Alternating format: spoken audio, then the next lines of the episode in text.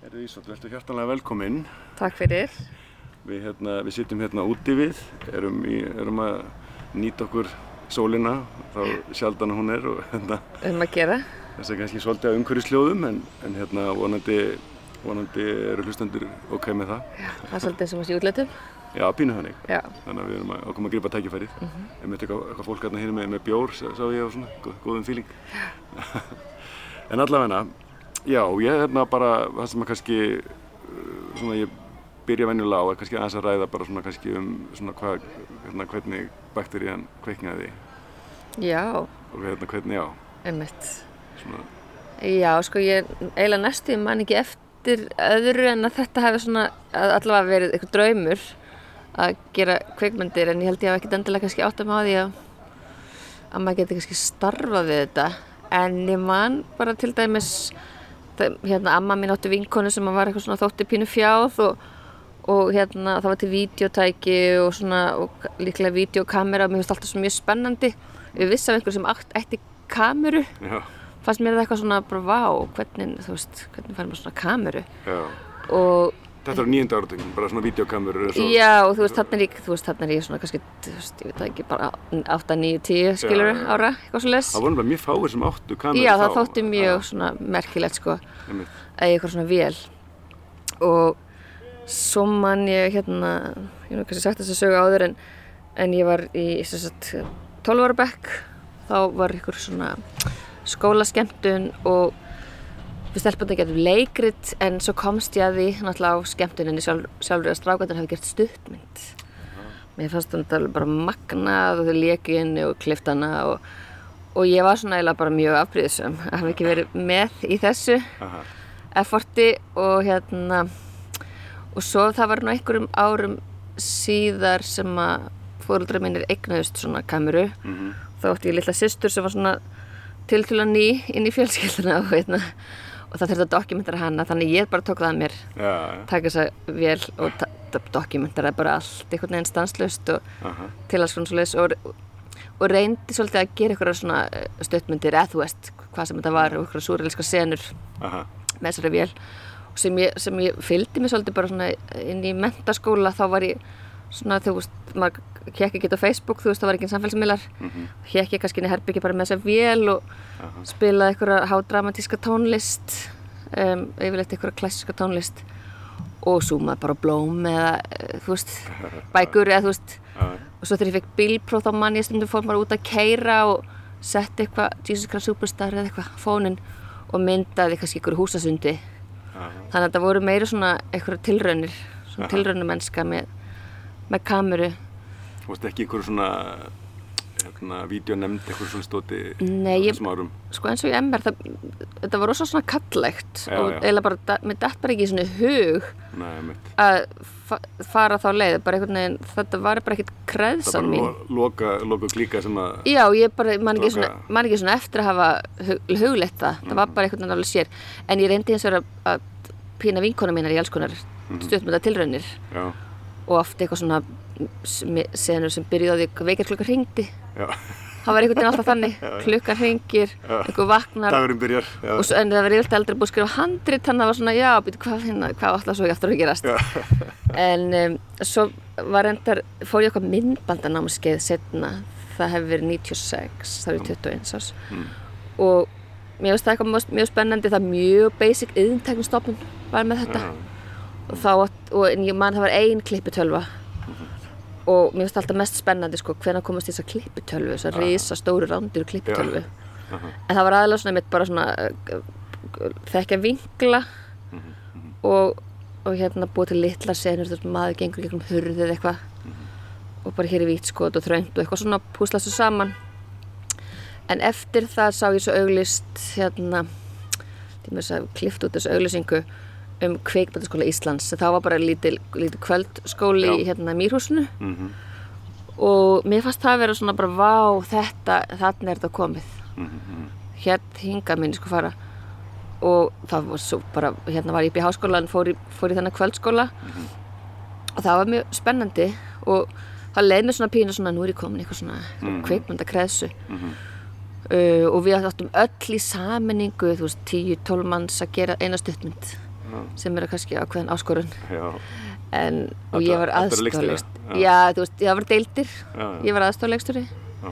ég held að Sigrun Sól hafi verið einmitt. og hérna, Lísa Kristjáns og eh, fleiri voru í leikmyndadeild og Mhm. hérna Dengsi Ljósamaður var í ykkur deildinni. Já, já, og já, þú veist, Jón Karl Helgason var hérna kenna, já. kveikmyndatöku og hann var svona svolítið leitt okkur í gegnum þetta Hann er frábæri. og já, og ímsir bara, þú veist, mjög hérna, frambærilegir kennarar sem bara tókust, þú veist, ein, eitt, kvöld til þess að fara yfir sitt svið. Mm mm Sveinbjörn Baldursson með hérna, handritagerð og uh, Gíslasnær Erlingsson var með leikstjórn. Uh, og svo var alltaf svona held ég um helgar var verið að sína þá í þessu mýrhúsi svona íslenskar kveikmyndir og ég var mjög, mjög, mjög, mjög upptekinn af að sjá sem flestar. Mm -hmm, og var svona einhvern veginn, já, fylgdist mjög grannt með þessum, Í þeim frábæra bíósal.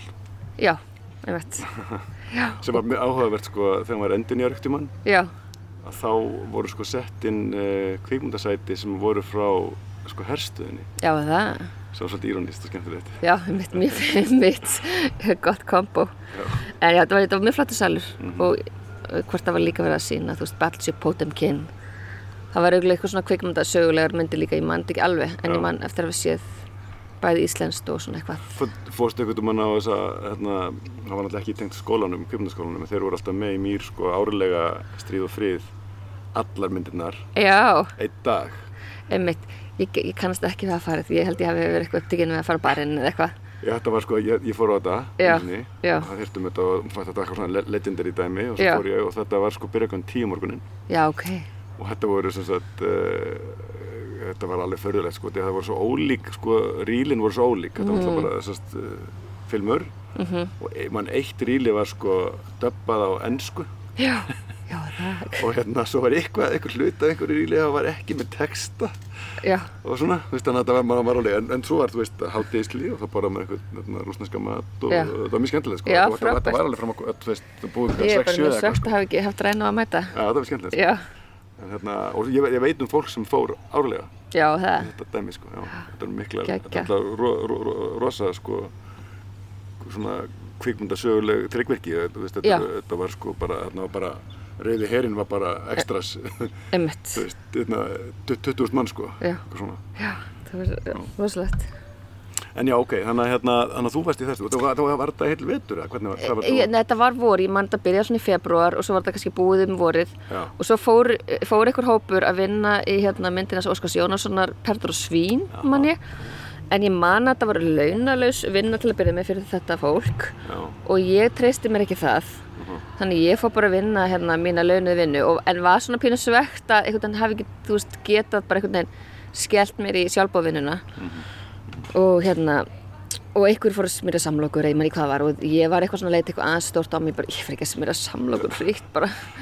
En hérna þannig ég fór bara að vinna á minni símaskrá og símaskrákondag og ég sendi út alveg ótal hérna atvinnumsóknir út um allan bæ.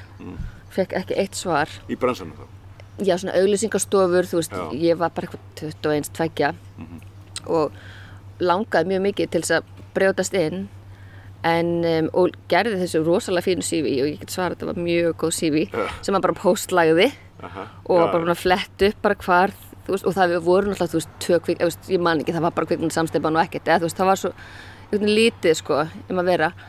En um, þannig að maður reyndi svona auðlýsingastofur og reyndi bara það sem maður var, var reynandi. En uh, skilaði nú ekki miklum árangri. En ég vaktaði svolítið svona svona ég man, ég man ekki alveg í hvað röð þetta var en þegar var að skjóta djöflægina þá svona mm -hmm. rúndaði maður inn á, á tökustað og svona kíkt á settið og, og þegar var að gera stikkfrí, ég var rosa mikið alltaf á svona pæli hver var að gera hvað hvenar já, og var svona bara mínu eigin svona rannsóknarvinnu. En, en, en, en í raun fegst aldrei vinnu við þetta þá? Ekki þarna, svo fekk ég reyndar, hvað er eitthvað hans síðar, þetta er 97, um, já 98 var ég nú í Danmörku yfir sumarið þannig að það var nú annað prógram. Um, nei, 99 vann ég svo við heimildamir sem heitir Rúndurinn. Ég veit ekki hvort fólk hefur síðan að hún var sínd á Skjaldborg. Hún var nokkra áratíu í eftirvinnslu, Stengri með Dúi Másson gerði þessa mynd þetta var svona mjög skrítið road movie og var gerð, veist, á svona mini-DV sem þóttu þá mjög svona spennandi dogmaformat Mhm, mhm. það var halvgjörn mockumentary og þetta var mjög svona kallægt þú veist, strákar fara út á land skoða rúndin á okkurum þú veist, ykkur krummaskuðum út á landi Já. ekki endilega krummaskuðum, en bara svona, þú veist, út á landi bara fyrir bara í rúndunum sem þá Já. lifði og var lifði góðu lífi betur, um, og þetta er svona þetta er pínu svona avantgard Þetta er Sérstakt. skemmtilegt koncept sko, Já. og bara líka svona, í söguleg samingi. Já, en það er mjög sérstætt að vinna við eitthvað sko, þú veist, 24 ára og þú veist, ég man ekki hvað, hversu mörg ár hafa lið, hvort það væri fyrir tveim, einu eða tveimur ára síðan sem maður sá þetta á, á, Skjaldborg. Bara já, þarna er myndin sem ég vann við fyrir 100 árum. Já, já.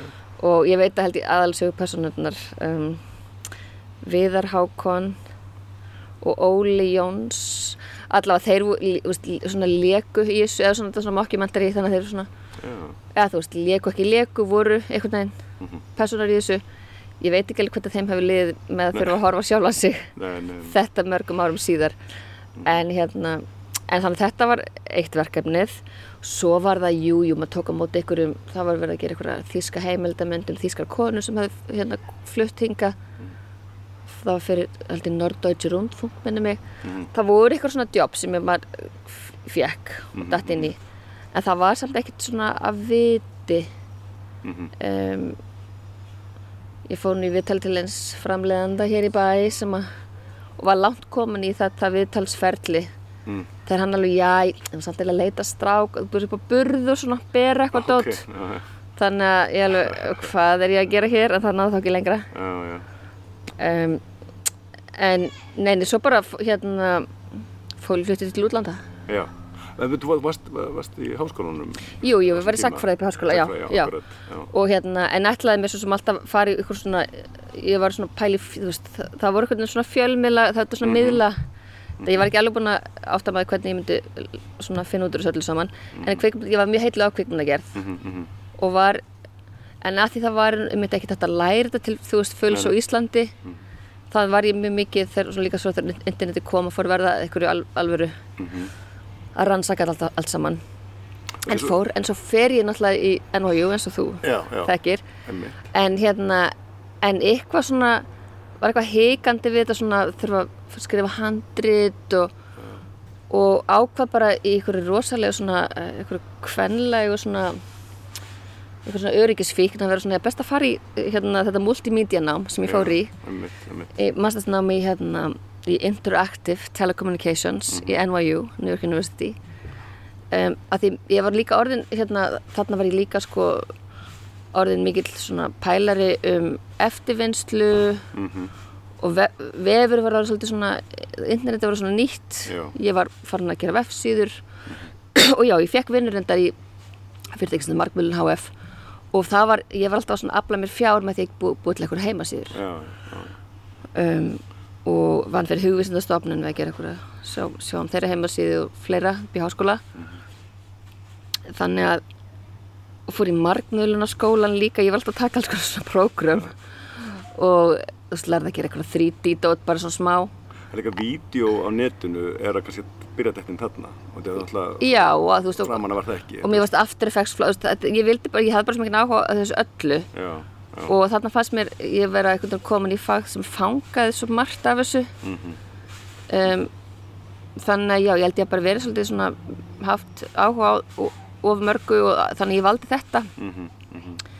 og ég, ég hafi nú alveg haft baku eirað ég myndi svo einhvern veginn á endanum endi kvikmynda gerð en, en var líka svolítið svona klippiþengjandi Já, ég, ég man eftir sko, þegar við hittumst sko, hérna, man ekki, man, kannski maður held við hefum eitthvað mann hitt áður en maður hittst þarna bara nánast á fyrsta degi í skólanum sko. já, 2001 2001, bara Já. rétt fyrir 11. september já, og, og þegar maður, náttúrulega- ég var hérna, þá að byrja í, í hérna, kvikmyndanáminu já, og ég man að þú talaðir alveg svona sko. Já, þú, ok. Þú varst sko, hérna, mitt, ég er nú, svo, svo, ég, ég, eiginlega hef mér að hafa kvikmyndum sko. og ég sagði hérna- það, já, ég, ég man ekkert hvað ég sagði en, Já, já, og, já, og þess vegna náttúrulega, hérna, Já. sko, hérna, voru við, þú veist, hérna, hérna, hérna, þú varst involver í það sem ég var að gera. og svona, já, það- því, já, því árið síðar eh, þú ert að gera þarna stuttmynd hérna, það- já, það er öðru árun, já, alveg. Já, þannig að þetta fyrsta árið þá náttúrulega er maður bara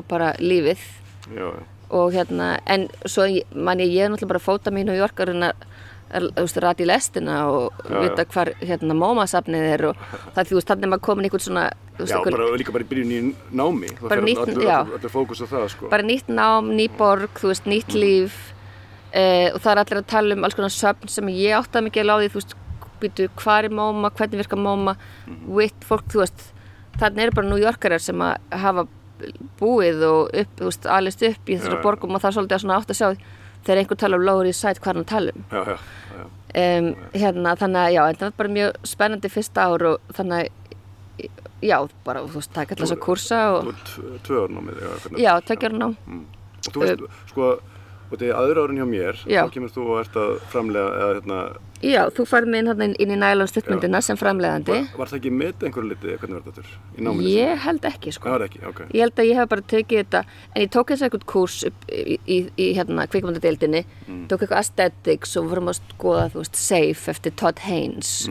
Vorum að skoða ímislegt sem að ég, mér hafði ekkert að vera kunnugt um áður og bara svona, þú veist, svona eitthvað aesthetic, bara þetta, þetta, þetta orðatiltæki, hérna, aesthetic, eða já, svona, já. um, va- var mér kannski svolítið hulið, en þarna, mér finnst þetta bara ro rosalega spennandi og var mjög heitilega þessu. Svo tók ég þetta, hérna, þú veist, það, það í minni deild var videoart og ég tók allt sem hétt video eitthvað og svo var það eitthvað sem að tengdist After Effects og það var búið til eitthvað.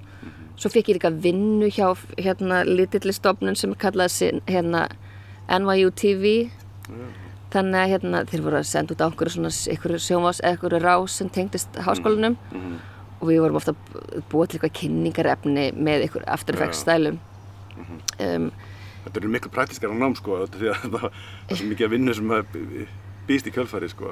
Já, já, Ég, ég man eftir, það var, var náingi með mér, mjög góð vinnu minn í Já. mínu námi sem hafði fyrir gegnum þetta nám, sko. já, Hérna, hann held, held bara í annað áfram í hann. á- Já, í næsta sko, námi, já, fyrsta já.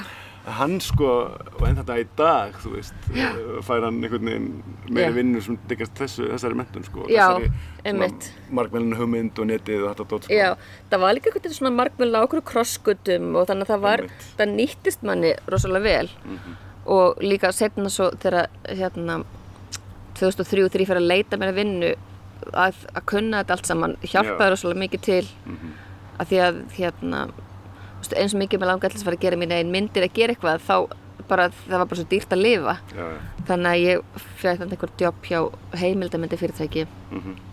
um, Og og er fyrst, já, fyrst svona PA og er með stutt í því og svo verð ver ég, að, ég aðstofklippari Mhm. og þá er maður bara að mæta á kvöldin á kvöldin og er bara að vinna allar nóttina.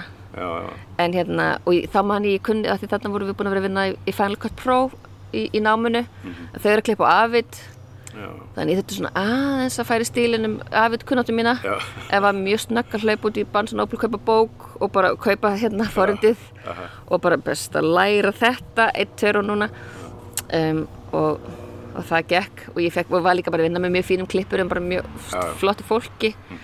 Þannig að ég mætti þarna nýgræðingurinn og, og þau gáði mér fyrirmæli um hvaða, verk, hver, hvað, hvaða verkefni ættu að tekla um, og svo var maður, þú veist og svo var það bara allt mjög svona surrealist einhvern veginn lagði sér mikið fram og var kannski klára vinnu sjómátnana og var það bara búin að keira út kannski Vaff-HS-bólu, þú veist þetta er Vaff-HS Já, já. það er þetta Vaff-HS og þurfti kannski að koma Vaff-HS-bólunni bara upp í History Channel núna að því að History Channel það var náttúrulega ekkert Vimeo eða þú veist, það, eitthvað neinn, það eflust var það hægt, þetta bara var allt betur samt að svo varst að var ekki Jú, var vera broadcast. jú, sko, ef þetta væri alveg broadcast, en, en stundum var það bara, þetta heit bara screeners, Já, já, já, einmitt þannig að það var ekkert að splæsa betu, Nei, einmitt, einmitt. það var bara kannski VFS hérna fyrir einhvern executive til að kíkja á, Já, með, með kóðanum brendum inn til þess að viðkomandi getur komið nótur. já, já, já. Og svo var maður vitnað öllu, þú veist, bara helvitis, hérna, þú veist, þessi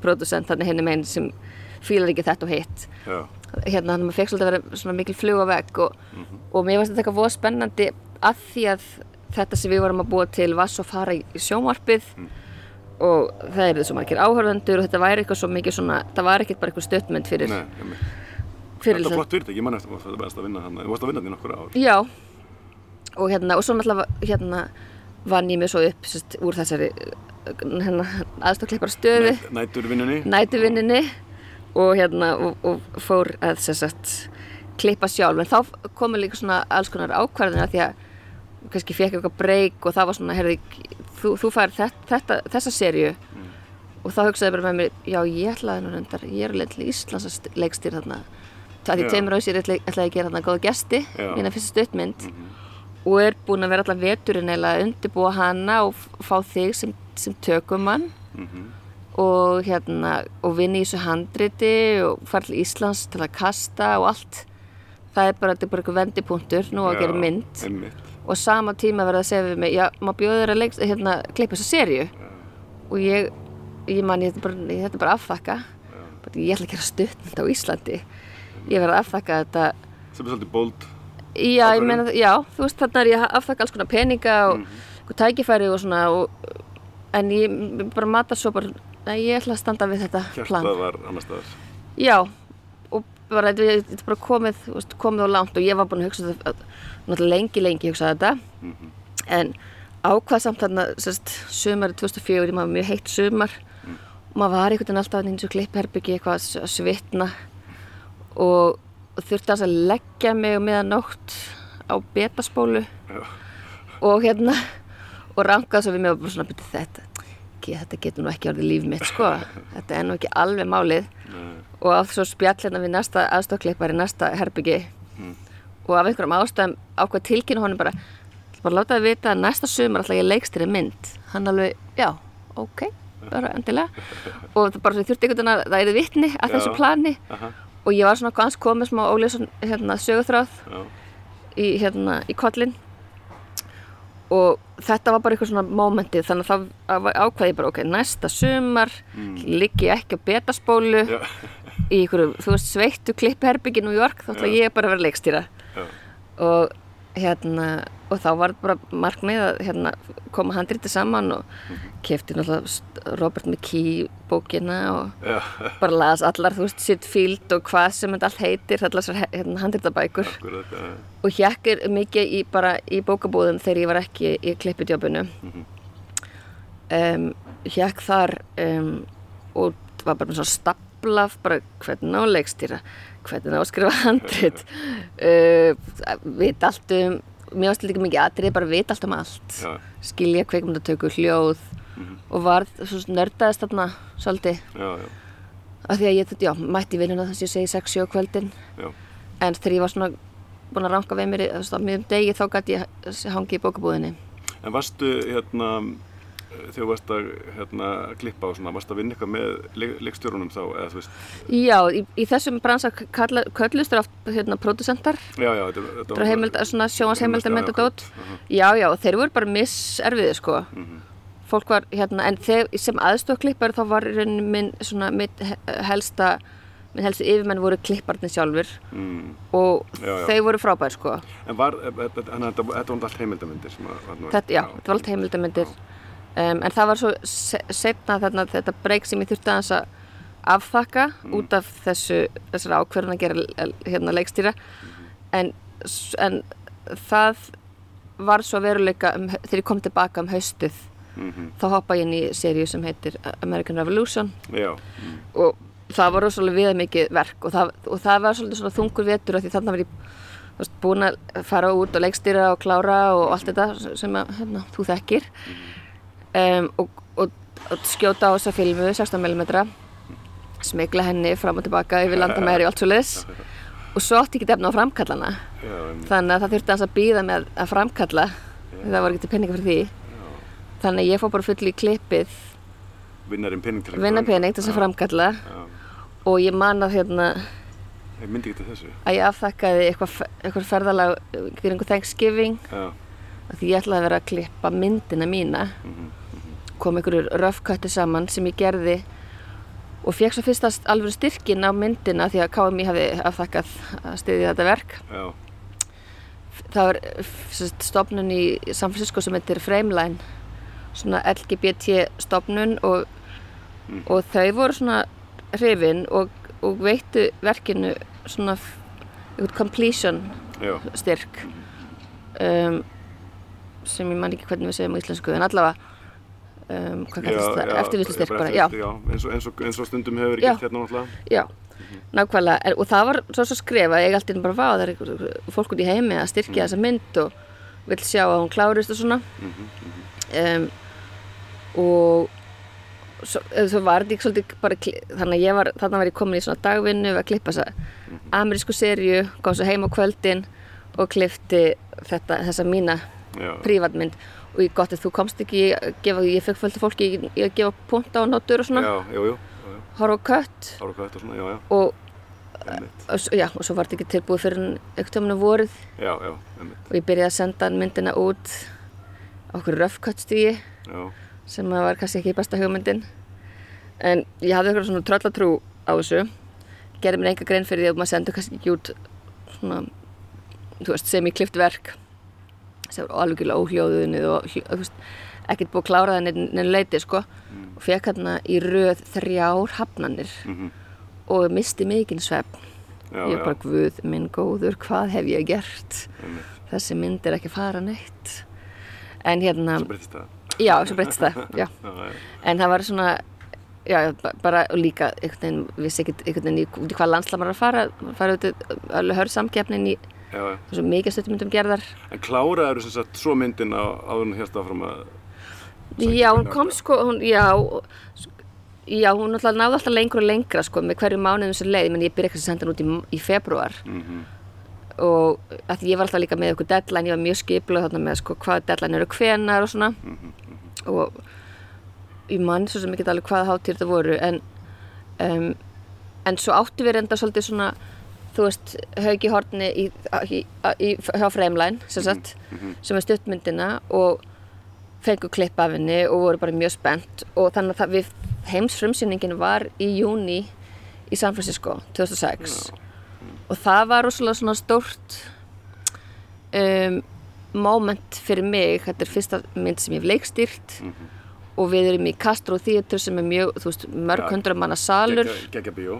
Og það þetta var einhver præthelgi og það var bara, þú veist, myndinu var svo fagnat og ég bara hafa aldrei að upplifa hana eins eftir að, þú veist, allt þetta streð einhvern veginn og, og bara, ég man, ég sa- sat í, flugvelni bara með einhverja betaspólu tilbúna að því að, þú veist, hún var bara, það var bara að vera veist, við vorum að vinna hljóð í Brooklyn hjá hljóðmenni sem var svona kannski ekki alveg áneitt, hann var að setja svona, hérna, norst valla valla þú veist, því sem það ekki valla valla svo, þetta svona Já, já, ok. bakgrunns hérna spjall hann hefði þetta hljómar allt eins og það ekki alveg, nei, þetta hljómar bara alls er bara ekki. íslenskt, sko. allt eins. Það var, ímislegt sem ég þurfti að gera aðtöðu við þarna. Já. í þessu, þetta var svolítið þetta var allt einhvern veginn svolítið barátta. Og ég man ekki hvernig við, hvort ég litgrindi sjálf eða hvernig einhver litgrindi, nei, allavega Ingo sem er í dag mikill hérna um, mikill svona grafiker og er nýfluttur til Íslands frá, frá Kaliforníu.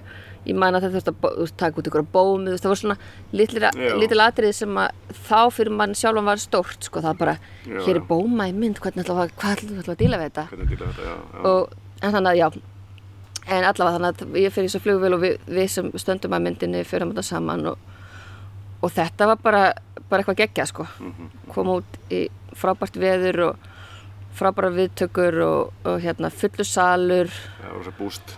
já og, og bara þú veist allt í henni bara kemur alls konar fólk til manns og vill bara fara að kaupa myndina og ég veit ekki hvað eitthvað það var eitthvað svona eitthvað moment og bara mjög skemmtlegt Ég man, ég man líka að það nýtist þér vel hérna, hérna, námið út að það var, þú gerir svona, veist, öfluga heimasíðu og alls konar. já ég var sem rosa að- mikið PR-kona Já, ég mani því að þú veist, þetta var alveg bara, wow, hérna, það var engin með þetta í kringum mig, sko. Já, einmitt, Þannig- já, þannig að það var mér svona, já, mitt, það var mikið, mikið sér lagt, sko, konar, og svo var púst, alls konar, hérna, plakat og alltaf með postkort og maður var alltaf sem maður væri bara að fara að selja eitthvað voða verk, þetta var svona bara stuttmynd, um, en, og svo var mjög spennandi, hérna, fengum svo mikið kvikmynda hátíð að bóðum í kjölfarið mm og hérna, og meðalans uh, hátíð í LA sem heitir Outfest og ég ætlaði nú að fara að sinja þessum hátíðum og já, nei, við ætlum að reyna söndans. Þannig að ég veit nú ekki alveg hvort að við getum ferða ég hef líka búin að kynna mér það að maður megi ekki sko vera svona overexposed. Og það að halda aftur að hvert hvar þú sýnir verkið. Stóra höfðin að vilja helst um sína. Og, já, nákvæmlega. Og hérna og er, erum að fá þetta tilbúðum að sína þar í næsta mánuðum eftir júli og að fæ símtal og vera að spjalla við manneskjuna og hérna og ég segi já, ég held að við viljum bara aftakka því við viljum að býða svo hvað Sandan segir. Og það er deadline er ekki fyrir í haust og hátíðin er í janúar. Og hún alveg, "Það- þér er alveg óhætt að, að sína hér sko, það er, það er ekkert mál. Ég alveg, nú ertu viss um það? Ég, ég, ég veit ekki eh, hvort það megi hún alveg, jú, ég geti sagt það að ég vinn þar. Og hérna, og ég er í valnefnd þar líka. Já. ég alveg, ó, ok ef þú lofar að það við sem ekki brenna brýr. Já. Og hérna, og hún sagði, nei, nei, þú veist þetta er alltaf aðrar kröfur gerðar á stuttmyndir heldur en þetta myndir í lengd já. um, þannig að við bara tókum síndu fórum svo bara til LA í næsta mánuði og það var önnur frábæð hátíð, þú veist, svo fórum bara aðeins að, ferðast, sko Mhm. og það allavega sagt að það ætti að sleppa síndum búin á Íslandi um hausti og riff og, Mm. og hérna, þetta var bara rosa gaman Mhm. og svo var, við fórum með svona okkur prívat svona vinasýningu, mann ég um, eitthvað húsnæði SVA, School of Visual Arts Já. sem að fyrir einna framlegandunum sem sagt. Um, sem sagt hafði samband við og ég mann fekk spons frá hvað heitir þetta eftir hérna Iceland Naturally eða hvað heitir þetta eftir hérna í New York sem að alltaf, var alltaf að styðja við alls konar uppákomur Já, já, akkurat, hérna, já, já. Hlinur Já, akkurat, Guðjónssonar hérna, hérna, sem sagt, eh, hérna, hérna, viðskipta já, sam samtökin hérna, einmitt. já, nákvæmlega þeir, þeir hafi við vorum, þetta var, mikla pælingar sko, Mhm. með alls konar sponsi og þetta var, það var svo, ég mitt, maður var svolítið mikið að gera fleiri en að leikstýra, það var mikil framleiðsla Ég, hérna, en við fyrir kannski tölum aðeins um líka bara myndina, sko, þetta því að, sko, hérna, ég, ég, maður manna um eftir þessu, að, og meðan þú kemur alltaf inn bara með handrit og hérna, Mhm. hérna viltu taka, taka þátt í þessu og handrit er mjög gott og eitthvað svona og er bara, einhvern veginn, vá, ok, já, hérna, Mhm. það kom, óvænt, sko, því að ég er alltaf bara að leita þessum klippara á þessum tíma. já, já, já, Og svo fannst mér í mann svo áhugavert sko að, að það, það var svo auglust að það nýttist þér sko klippið þekkingin Mhm. sem leikstjóra. mhm, Og ég hef alltaf svona talað um þetta sko, þú veist, svona, kannski verið að kenna eitthvað þannig. Mhm, að þú veist, sumir koma, sumir eru leikarar og þú veist, og svo kli- klipparar og hérna, og þess að hafa einhvern svona, einhverja svona sem hafa unni við áður Mhm. og taka það svo með sér inn í og það kannski verður pínu þegar heima þetta ég man að þú varst með rosa svona skýra mhm, sín á hvað þarf í coverage og eitthvað svona sko mhm, sem að ég bara, já, þetta er alveg mjög sterkur styrklíki já, ég manni með að upplega þetta. Og það, og það og, menna, ég, ég held að fyrir mig ég var manns tökumar hérna í nokkur ár veist, það var minn svona já, styrklegi, styrklíki inn í þetta sko. Já. en þetta er svona einhvern veginn, Nákvæmlega, er mitt gagnast manni sko, maður að því maður var alltaf að hugsa um sko hvar, að því að þetta endar allt í klippinu náttúrulega, að þetta ræði saman og hvað vanti og svona, og, og líka bara, einmitt, hvar eru, þú veist, klippipunktarnir og, Og já, hvar- þú talaði mikið um þetta sko. Já, veist, hvar eru útpunktur á senunni, pæla oft líka mikið í því bara að setti, þú veist, hvar ætlum að enda þessi senu, mm -hmm, eh, hvaða mómenti og hvar ætlum að byrja senuna næstu annar staðar. Um, en já, einmitt, þetta var, einmitt, en ég man eh, bara, þú veist, það að senda frá mér handrit þetta í fyrsta skipti, það, mér, ég upplifði að maður þurfti svolítið kjark í það. Já, já, og, ég man þegar þú sendið mér nælan handritið og ég alveg, vá, hann er bara svona kaldur bara hendur að mann handritið eins og ekkert sé alveg, eða þú veist maður þurfti ekki að komast á þann stað að, já. að hérna og svo sem náttúrulega núna mörgum árum síðar það er þetta bara einhvern veginn hlut af, hlut af lífinu og uh, starfinu. Já, já, en ekki, En- ekki, ekki þarna. Nei, þarna var það mjög nýtt að vera svona hér, og hér er í ofinbera hérna eitthvað sem ég er búin að vera fást við svona í prívat. Svona í leini Já, þannig sko. Mm. en hérna og, og svona, jú og svo sem hérna fór alveg að skilja það þú veist, writing is rewriting þetta er ekkert þetta er ekkert tilbúið þó að þetta sé fyrsta. En um, svo náttúrulega löngu setna mjög sjóar ég að taka við punktum og nótum og þetta er bara allt já, hefur ekki þannig áhrif á mann. En þarna voru þú veist allir öll gaggrín, allir punktar, það, maður tók þetta svo þungt sko, bara guðminn góður, þetta er ónýtt þetta er hræðilegt. Já, já, já. og það var svona erfiðar og maður þarf að læra að taka punktum sko, það er alveg Já og það er bara mikið til gags að Já. geta tekið við öllum sem nótum og Já, af pælingum. Sko, út af því að sko kannski má segja að þú fær fullt af nótum sko, Já, hvað maður að segja, þú veist, hérna er kannski töttuborstæði eitthvað sem er valið Já, já. að veru, sko, þannig að þú veist, það er eiginlega bara kannski svona fatta það og, og þá að vera, já, ok, og svo er stundum bara ólíku smekkur og, hérna, Já, já. og algjörlega og þetta eitthvað svona, sko, þetta er bara, þú bara, maður, svona tekur það út sem að, Já, já, og, og aftur lausn viðkomandi hérna aðilega ekkert endilega rétta lausnin en þannig að verða gefa til kynna að það er eitthvað sem er ekki alveg að ganga upp. Emmitt, kannski opnar á eitthvað. já, Emmitt, ef maður fær alltaf nótu, ef maður fær nótur frá öllum á sama hluti, Já. þú veist, ólíka nótu, þá bara ég hörð, það er eitthvað ekki að virka með þetta. já, já, þannig varum við að stúdara það Já, já. en hérna, en já, þetta er bara kannski fyrir það sem veit ekki um hvað myndin er þetta er sérst mynd um konu í New York sem að, um, er á leiðin í sérst, stóramali hjá fjölskyldumælimi og eh, hérna býr yfir lindamáli sem hún er ekki tilbúin til þess að ofinbera og, það varður hennar kynneigð og hún er einhvern veginn alla þessa litlu stuttmynd í rauninni að reyna svona að halda andliti á meðan það er alltaf verið að ganga út frá því að hún vil einhvern mann og, og svo er einhver saga þarna með einhvern fyrirfyrandi en svo gerast hlutirnir eða svona kannski ákveð uppgjör í þessari veislu þar sem að hún kemst að að sannleika um annan fjölskyldum meðleim og þetta er svona þetta er kannski svona svört komedía einhvers Já, konar Mm, mm. Já, hún er tónalími skemmtileg myndin, sko. Já, ég er svona algjörlega óla, eða svo- svona ónæm fyrir henni því ég þurfti að horfa þessu ofta á hann í, í den tíð sko. En hérna, en, en mjög st frábært ég var, að vinna með Aðalbjörgu Átnandóttur leikkonu sem þetta rosalega vel. Og þau stígu líka inn í þetta verkefni Hanna Mari Karlsdóttir og Theodor Júliusson. Þannig að þarna var ég að vinna með atvinnuleikurum verandi bara alveg svona algjör nýgraðingur og það var bara frábært að fá svona alveg fólk inn í þetta Já, ég var rosa stór, stór hugur í þér. Meina, um þetta gera hana svona án styrkja og þetta og Já, stóra senur, mikið extras og hérna. Guð, ég held ég hef ekkert, ég sé hvað ég fara, fara út í sko, en ég man þarna miðbyggja þá, ég var alveg svona, ég var pínu í áfalli sko, Já, bara því að allt, þú veist, maður svona skrifar á senu svona, já, hér svo var bara veislusena, já.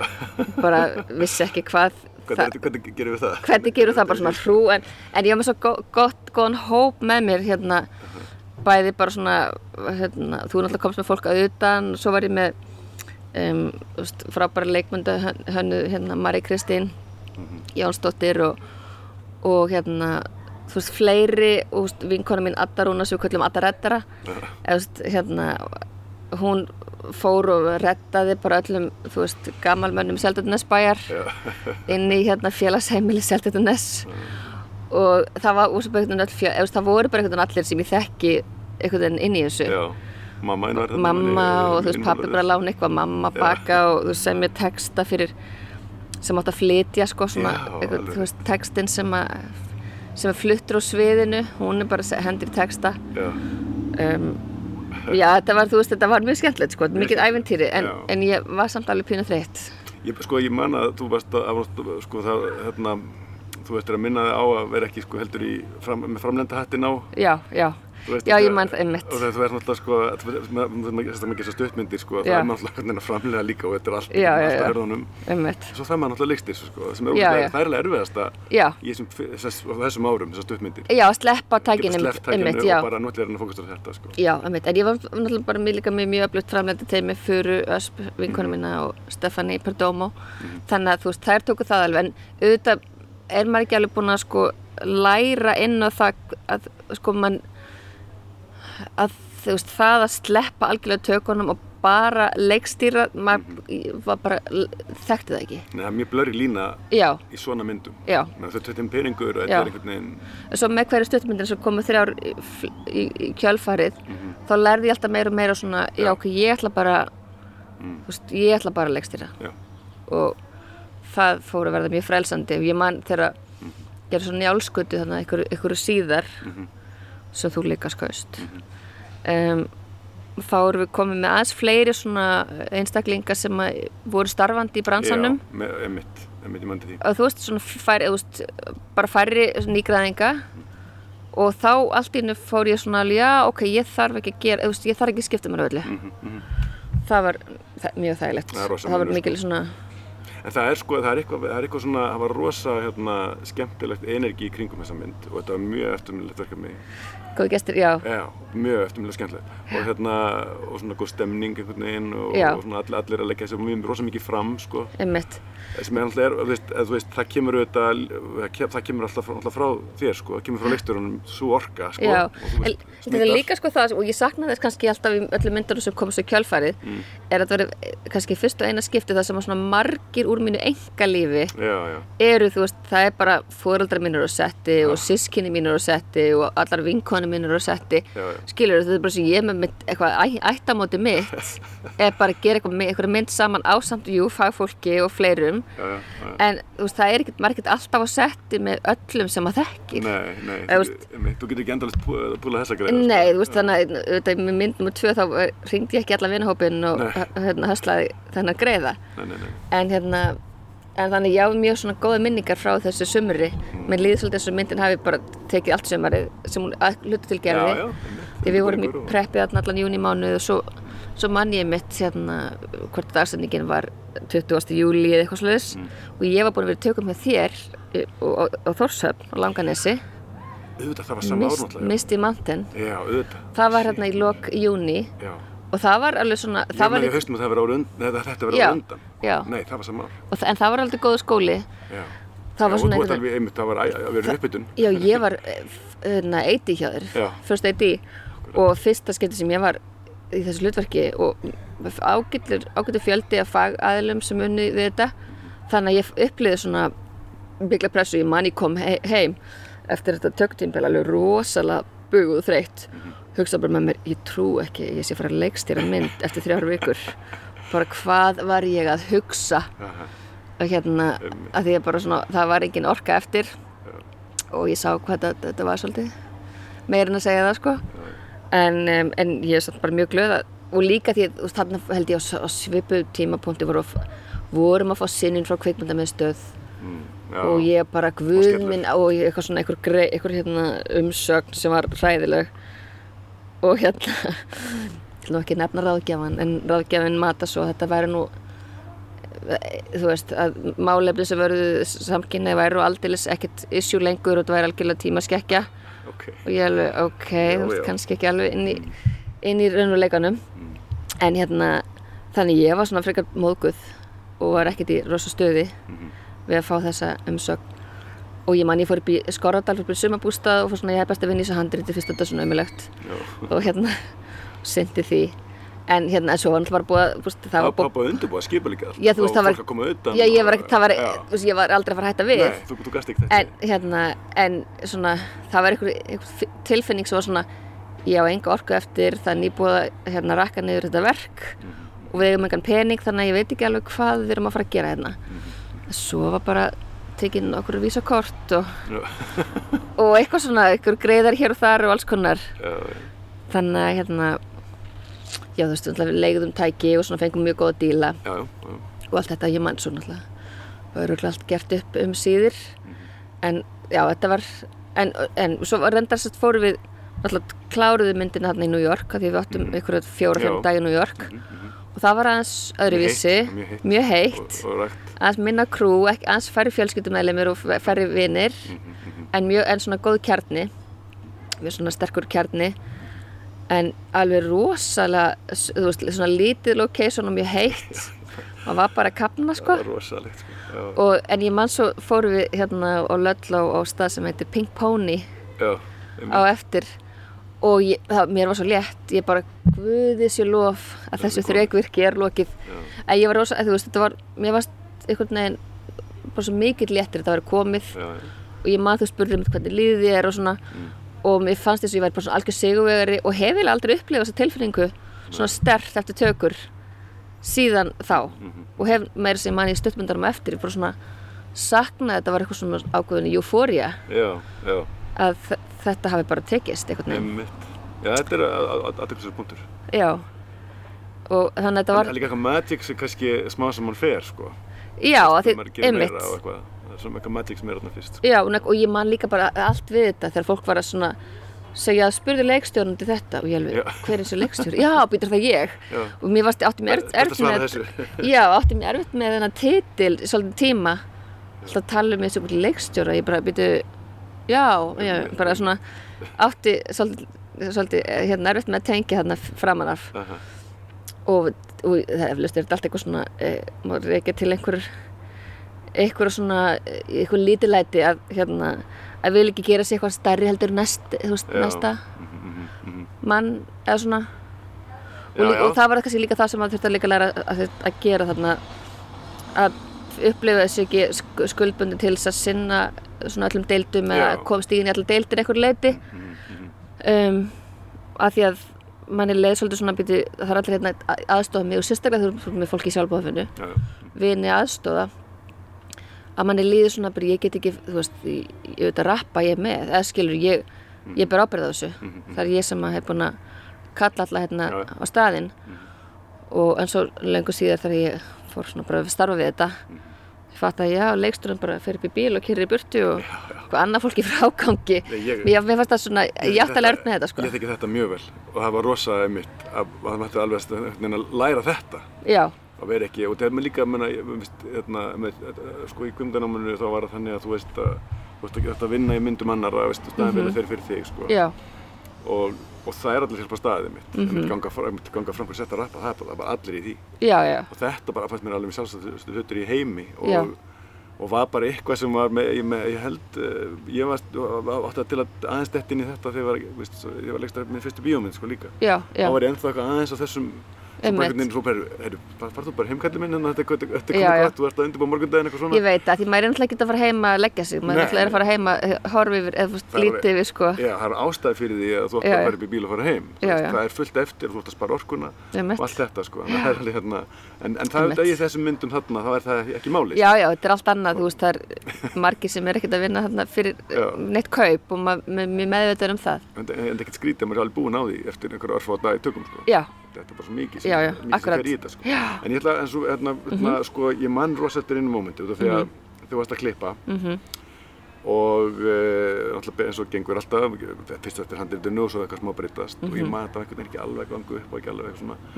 Svo mann ég kostum mér frekar rótækan breytingu fyrir endin já, og ég man þetta og ég man sko shit þetta er algjör snild og þegar þá allt inni bara núna virka myndin já, og ég man svo vel til þessu sko veginn að þarna var myndin til já, Hún- akkurat. hún var aldrei búin að virka fyrir en þessi endir kom fannst mér allavega sko. Já, nákvæmlega. Ég heldur bara, þú veist, þannig var svolítið svona less is more dæmið, sko, Einmitt. að það þarf ekki að einhvern veginn leysa allt og einhvern veginn matreiða og mikið, það var svona bara, hér gefur til kynna að, hérna, að endirinn hafi, þetta hafi enda farsarlega án þess að, þú veist, já, gefa það, þú veist, að bara búið til heila sen úr því já, já, og hérna, og svona eitthvað, eitthvað freeze frame moment og já, ég er bara mjög sátt við þetta, sko. Mhm.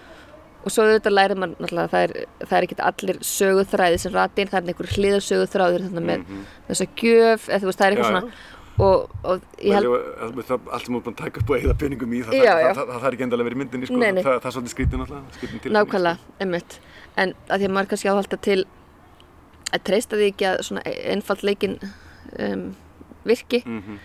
en svona komst svolítið að því í klippinu bara við, að, þú veist, það er bara að halda þessu svolítið svona hnitt með þið og ekki, ekki oflækja þetta. Ég held að sko það hefur líka menna út af því að þú tókst bara uh, þinn tíma í að klippa þetta sko. Já. og meðfram hinni vinninni Já, það er bara ógeðslega mikilvægt. Mhm. þú veist, ef þú hefur undir einhverju pressu það er ekki þarf að klippa hana þú veist, þreim fyrir vikum eitthvað það er skilur þá, þá kannski endur með myndina veist, einhvern veginn er hann dyrtunum mögulega eitthvað á, hún verður ekki, veist, þetta er svo skrítið Já. og, og klipp, veist, maður þarf náttúrulega bara ofta að geta mhm hérna, tekið þess að viku breyka eitthvað Já, frá, já, frá algjörlega. verkefninu. og bara, og þú veist, á þess að það er bara undirvitundun að vinna í því, sko Mhm. og koma svo að því og þá sé maður eitthvað annað og koma feskur að Já, þá, þetta er veginn svo oft erfitt að setja þetta inn í, inn í innan professional heim veist, þe- þetta, þetta konsept sko. Já, akkurat En ég man sérstaklega sko að því að undarlegan hátt held ég með liðið bara þess að þetta væri er þið fyrst á eina myndi sem ég myndi gera. Svona, Mhm. það var eins og allt myndi standa og falla með þessu eina og fyrsta verki. Þannig að þegar fólk kom og gaf punta og nótur og svona og maður var svona að reyna kannski að prófa okkur að senu sem maður hefði trú á. Og fólk sagði já, jú, hún virkar. Og þá mann hugsaði með mér, ok, virkar hún eða er hún virkar hún eins vel og hún getur mögulega virkað í öllum heiminum? Eða þú veist, eru, eru við búin að mastera Mhm, og þannig að þú veist, ef fólk var ekki alveg nóg sannfærandi í, í því að segja að þetta virkaði mhm, þá hugsaði með mér, ok, það er eitthvað sem getur verið bet, veist, gert betur. Já, og já, var eiginlega svona einhvern veginn svona bara þú veist, gafst ekki upp eða það, þú veist, það er að segja vildi alltaf sjá bara, ok, er verkið eins gott og mögulegt er að gera úr þessum, þessum, þessum hráfni mhm, mhm. og jú, vissulega hafði þarna tíma því að ég var bara minn eigin klippari Já, já. og það var enginn að býða eftir þessu að verki, þú veist, það var enginn það var enginn að pæla í þessu. Eða jú, við veitum fólki sem við hafði unnið við og, fram, og framleiðendur og svo leiðis sem að voru, var mitt fólk. Já, en hérna en já, þú veist það en jú, svo sem á endanum þegar Frameline hann staðfistur að við um bóð í júni þá var já. sem var bara mjög gott að þið verið með auðvitað. getum verið tvö ár eða þú veist að auðvitað er deadline mikilvæg sko. Þetta er bara svona, þetta er bara, þetta er oft bara vannmetinn faktor Já. í hérna svona, sérstaklega í sjónvarpinu þetta tekið eftir, sko, þú veist, það bara er á það þarf að skila eitthvað svona og þú veist, bara það, tekur aðeins meiri tíma að klippa þetta, sko Ég veit það. bara, þetta er bara ekki alveg, um, og þú veist um, sko, þessi hugsun Mhm. er þetta orðið eins gott að geta mögulega verið já, Nei, veist, bara, og, og það er ekki, er regla. Nei, nei. það verður bara að finna einhvern veginn í hjartanu, sko, að þetta sé. Mhm. og, og, og, og hérna það er svo trikki líka, þannig að það er, það sé eitthvað svona fastur rammi, já, þú gerir svona langt verkefni, veist, þá tekur það x marga vikur í klippi Já. og eitthvað svona, en auðvitað verður að hafa eitthvað til að miða við, akkurat. En það þarf að vera pínulú, sko, já, út af einmitt þessu, sko. Já, einmitt. Og ég man þarna, þú veist, þegar þetta var svona sem lengst var þetta 30 mínúna verk, 25 mínúna verk sem var á langt svo endur við hún var svona einhverst, já, já, svo endur við 19 já, og það var og, og, það, og ég var líka svolítið pínu meðut um að hérna um, svona undir 20 var alveg kostur fyrir svona festalprogrammera þegar þeir eru að raða í, mm -hmm, í slottin sín.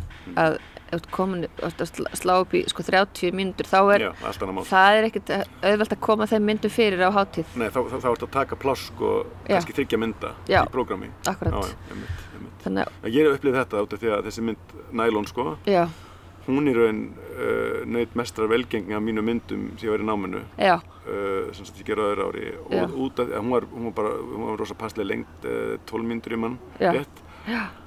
Og fór á fullt af hátíðum og hérna, vann til veluna og allt mögulegt. Já, svo hérna, þú veist, útskiptamyndin sko sem er stór og metnaðan mynd sem var hálftími. Hún, hún, hún eitt svona allt öðru, eða sko hún, hún fær miklu, miklu færri uh, hátíðir. Já, hún eitt svona öðru í sig velgengni sko. Hérna, en hún sem sagt uh, og það, það var alveg klárt mál að þetta skipti máli þar. Mhm. en, en, en, og ég líka hugsaði sko með mér mér leið svolítið því ég gerði hana. Já. Og maður þetta var, það var rosa þarna- minnst í mantin, já, hérna það var, og var ekki skotið 35 eða eitthvað. 35 minútur Já. og, og, hérna, og svona og þetta er, þú veist, og þú ert sko, hérna, ég held að bogi sko hálftíma myndar mm Mhm. um einhver nær boga bíómyndar. Akkurat, já, heldur en sko, þú veist ekki allum 15 myndar mynd já. Það er meira svona eitthvað sem keirir upp svona, þú veist, hvernig ára, eitt djókur eða já, þannig já, sko. akkurat. Og meðan hitt er svona svimpaði struktúr þannig að mér- leið pínu já, það var alltaf, tó- tók vel á sko það er hérna, já, ég er nú svona eiginlega ég er allavega mjög tilbúin núna að gera bíómynd sko. Mhm. já, veist, akkurat. hérna, og finnst ég nánast að hafa gert bíómynd sko. Já, já, einmitt, þetta var líka mjög metnafullt og veist, flott tekin og þetta var svona einhvern veginn, það var það var eitthvað svona advanced þarna á þessum þeim tökustöð já, ég ég sko. Já, já, já, meni, ég er búin að gera nokkra myndir Já. og ætla að gera, og ég var með eina mynd í huga sem ég var rosa, svona inspirarar af sem var einmitt löng sko. Já, og ég bara, ég ætla bara að hana langa. Já, og, hérna, og bara stóð við það sko. Stóð með því og hérna, en, en þú veist, en já það hef, hefur já, já, einmitt, ókosti líka. algjörlega.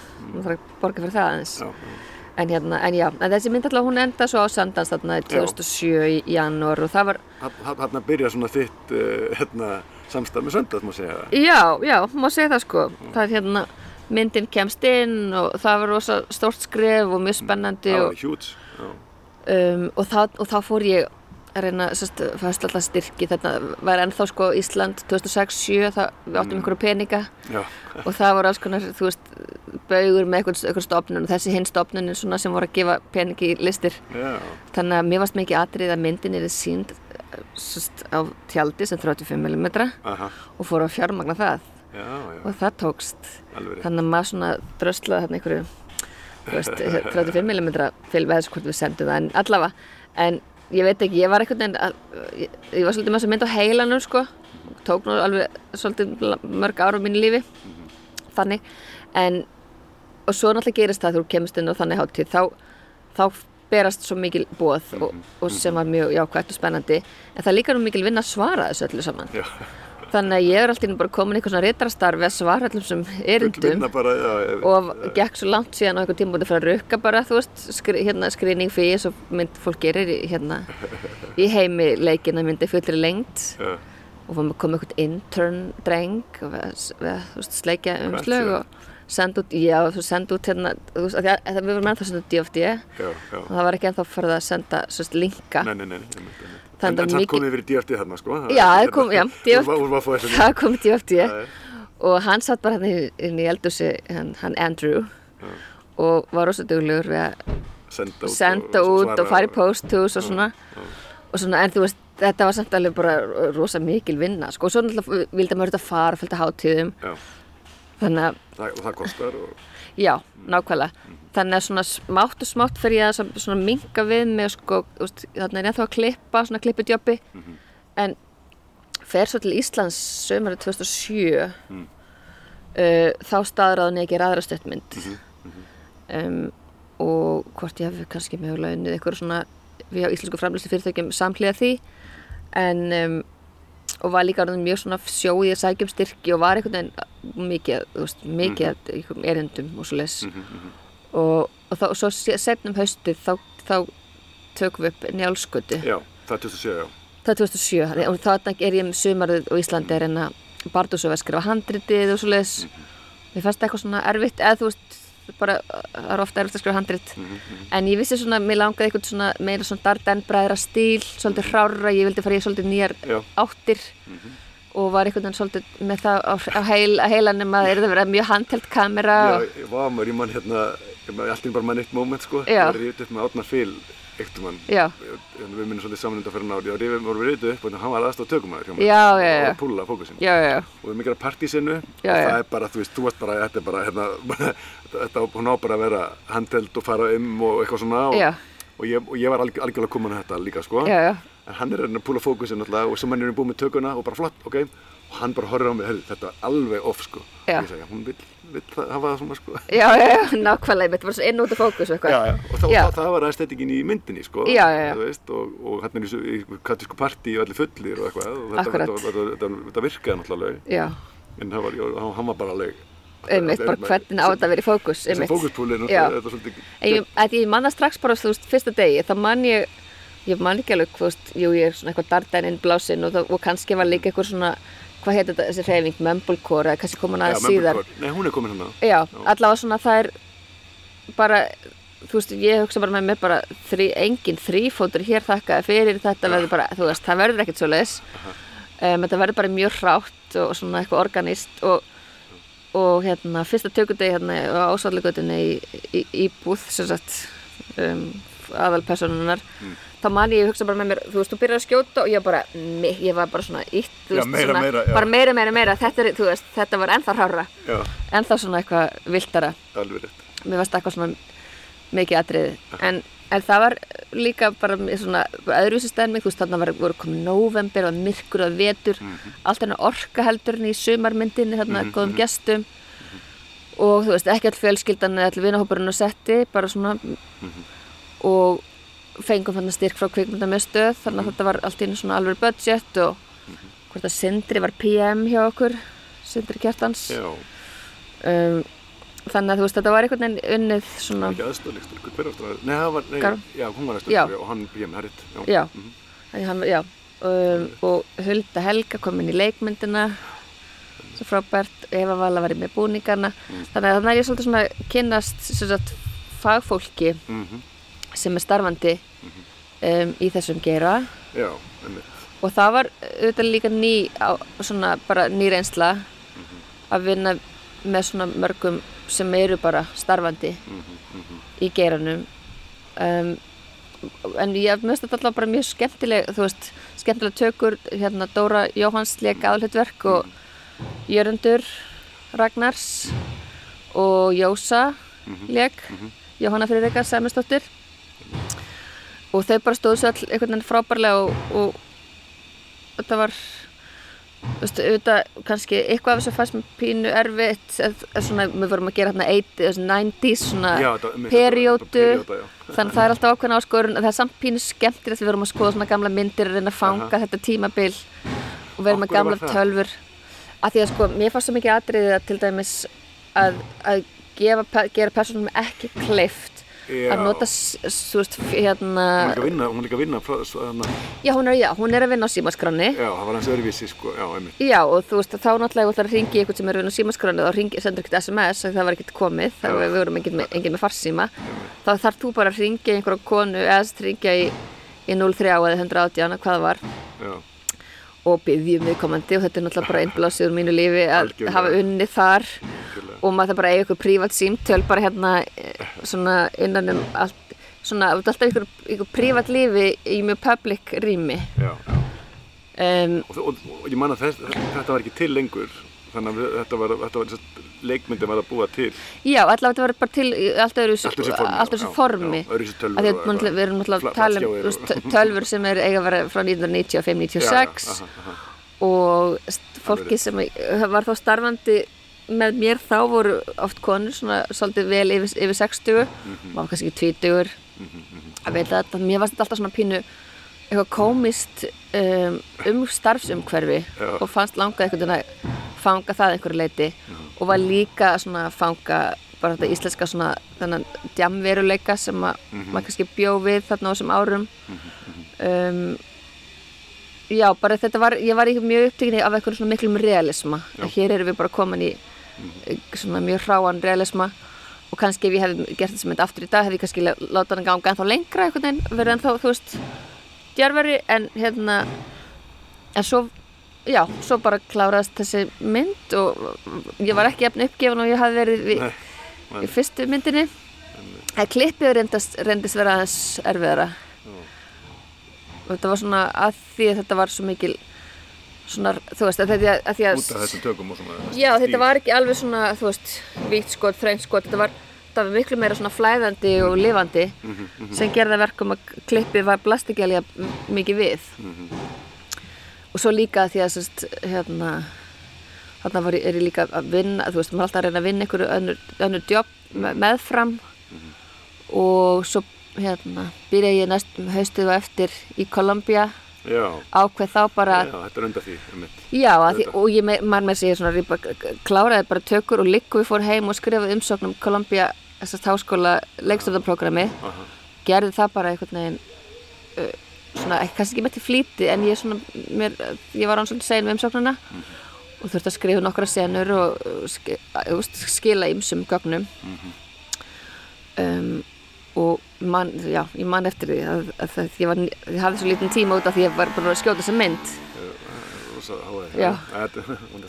Sko hérna, já, um, einmitt, þannig að þegar við fundist, sko, þú veist okkar, þú varst búin að leikta þessum myndum Já. Og sko auðvitað með góða gesti, einmitt þess að segja, það er allt undir samt í svoleiðis mynd, þannig Já. séð, þú veist, og ef hún, hún, hún lélegað eitthvað, þá kannski, ok, ég kannski ekki, ok, var ekki verið í þessu, þetta með, veist, það, svona, svona mynd er alveg þannig. akkurat En svo færi rosa að byrja í seglinn sko, ég meina Söndans var mynd sem að veist, allir í hérna, hérna, skólanum skilur hjá mér vildi reyna að komast inn á. Og það var bara veist, handvill þessi fólk kannski veist, og hérna mjög er að komast inn.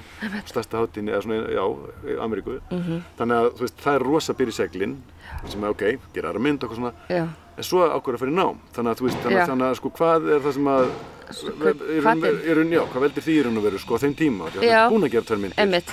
Sko það er kannski þessi, þessi nördismi að svona vilja vita allt Já. sem mögulega er vitandi um Einmitt. þetta fag. Og, og kannski má mögulega má líka hug- hugsa sér ok, er þetta eitthvað minnumáttakend ég, ég veit ekki nóg, ég kann ekki nóg ég, en þetta er bara kannski líka eitthvað gamall draumur sem að ég vildi bara já, svona að er það veruleika. En ég líka svona einhvern veginn gaf mér það bestalega svona ég hugsa bara með ekki sækjum og ég sækja bara um eitt skóla, ég sækja um engan annan skóla. Af því að ég ætla raunverulega þetta er bara um skóla. En ég hef búin að hugsa svolítið lengi þú veist, bera saman NYU, New York University og Columbia lengi. Og Columbia bara hentaði mér aðeins betur, kennarnir þar voru aðeins meir í minni línu. Mjög svona uh, svona narratíft þengjandi prógram þar að segja, þú veist, sagan er líkill atriði og ég var svolítið svona komin yfir konst, tækni konseptið, Já. af því ég var, hafi verið upptekinn af því áður. Þannig hugsa bara með mér, ég, veistu, ég, ég, veit ná mikið um tækni fyrir sjálfa mig akkur núna, ég ætla ekki að verða tökumæður ég ætla ekki að vera hljóðmaður það er aðrir í því. Ég ætla bara að segja, segja söguna og segja sögurnar. Um, þannig að mér fannst Kolumbía vera alveg passaði mér því, þessu leitunum til. Þannig ég sæki bara um Kolumbía og svona e, veist, er ekkert er ekkert að, er ekkert að skipleika lífum til kringu það, bara sækja svolítið svona um. Mm -hmm. fá svo svar þannig í mars. Já, líður alltaf tími. alltaf. já, maður fær svar þarna, já, le- svolítið lengur síðar. Og er bara mjög glöð og, og, og er hugsa bara með mér, ok, ég veit ekkert hvernig ég ætla að borga fyrir þetta. Þú vart ekki skipt um borgum alltaf. nei, nákvæmlega mitt. Og ég var líka búin að vera að pæla eitthvað í Danmörku og svona. Já, en svo eiginlega langaði mig bara einhvern veginn ekkert að flytja frá New York, ég var ekki tilbúin til þess að fara þaðan. Um, og líka hefði nýtt lífi nýr, nýr borg, ég var einhvern veginn ekki alveg tilbúin í það. En um, allavega þá um, er sér sagt fæ ég að vita það í- það verði eitthvað styrkur sem er fylgja. Og þannig að þá er fyrsta árið allavega einhverju leiti þú veist hjálpar það til við að kofra skólagjöldin og allt svoleiðis. Þannig ég hugsaði bara með mér bara að just, ég skra, þú veist, ég ætla bara að taka þessu bóði og ef ég þarf að hætta það hætti ég bara. Já. Og það var, það var alltaf hu- hugarfarið. Já, gott að þetta er það. að bara svona, ég er ekkert bundin að eilifu ef, að, ef ég ræði ekki við allt þetta svo sem ég er búin að komitta við sem er mm fjárháslega skuldbending mikil þá bara fer ég og ger eitthvað annað. Já. og hérna þannig að já, svo fer ég til Íslands um sumar og svolítið að vinna, fer að vinna við Rókland sem þá kom út og Hamarinn minni mig ég held að það hafi verið þessari, allavega kannski Ró- Rókland árið síður, allavega Í framlöstudeldinni það. já, þannig þá er ég framlöslu deildinni Já. um, bara til að tekna. Já, bara fer bara í það. Og það var alltaf ágætt sko. Sjómennska bara. já, já, nákvæmlega. Og, og maður kynist fólki og Já. kynast þessu fyrirtækjum og svona. Þannig að og bara vinna við ykkur svona auglýsingar líka. Ég held að það hafi nú verið sömar Hamarsins ef ég mann rétt fyrir það sem að muna þar leikur með Dóra Jóhans Já. Sveinbyrni Baldursson skrifi Reyni Lingdal leikstýri það ekki. Um, og þetta er allt fyrir skóli sko. Bara svona aðeins að Já, já. sjá hvernig svona starra, starra apparat gengur fyrir sig.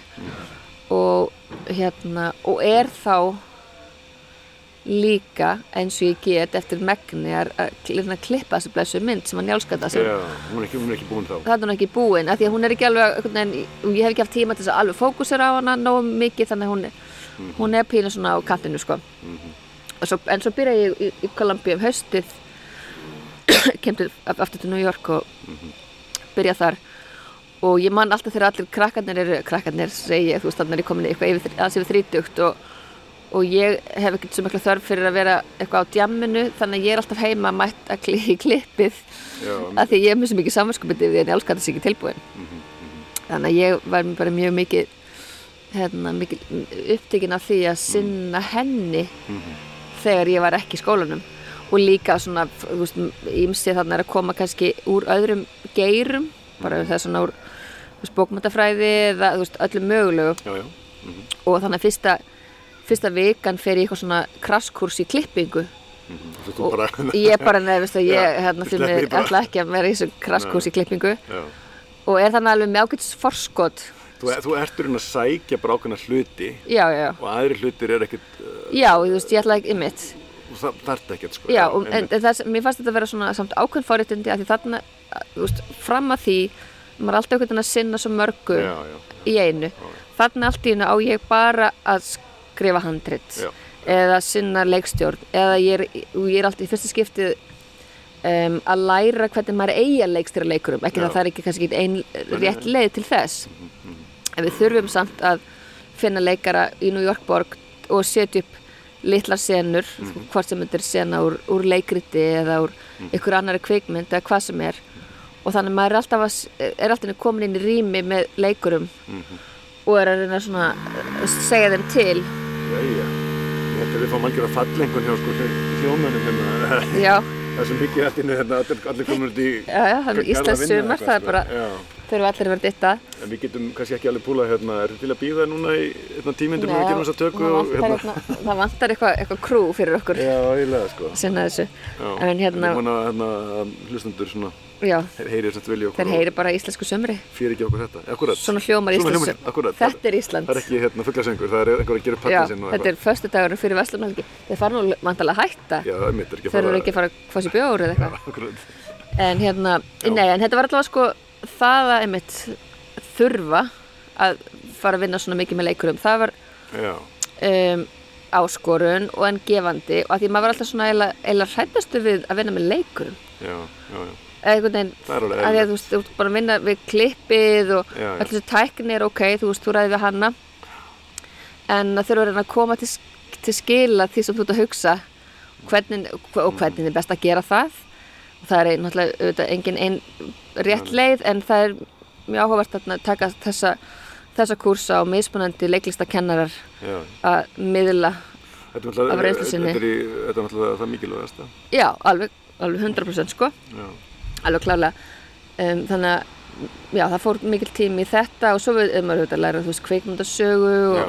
Og mhm. um, Þetta er, þetta, það er svo margt sko það er svo margt að þetta er einstakt uh, tímabil einhvern veginn út af því að maður er bara, einmitt, maður er Já. fórsörða til að mæta á mótnana og kannski horfa á einhverja bíómynd Já. og greina hana og eitthvað svona sem er ekkert, þú ert ekkert að gera kannski eins og auðvitað í mennilu lífi sko. Nei, að því Og- maður, maður forgarsraðar því Nei. ekki, þú forgarsraðar einhvern veginn bara svona, ok, ég ætla að, að sjá fyrir mér einhvern veginn, þarf að forgarsraða því eða þú ætla að gera svona einhverja litlar myndir, eh, það þarf ekki að mikið að prodúsera þær, Já. en þannig er það kannski verkefni er eingöngu að leikstýra Já, í tíma mhm, þessum leikurum og þá getur þú bara einbytt þar að því. Já, eða þú ert með dellan á eitthvað stuttmyndahandrit eða senu úr mynd í fulli lengd eða hvað er. Mhm, þannig ég er, alltaf, ég er mjög þakklátt fyrir þetta, þryggjára tímabil í Columbia mhm.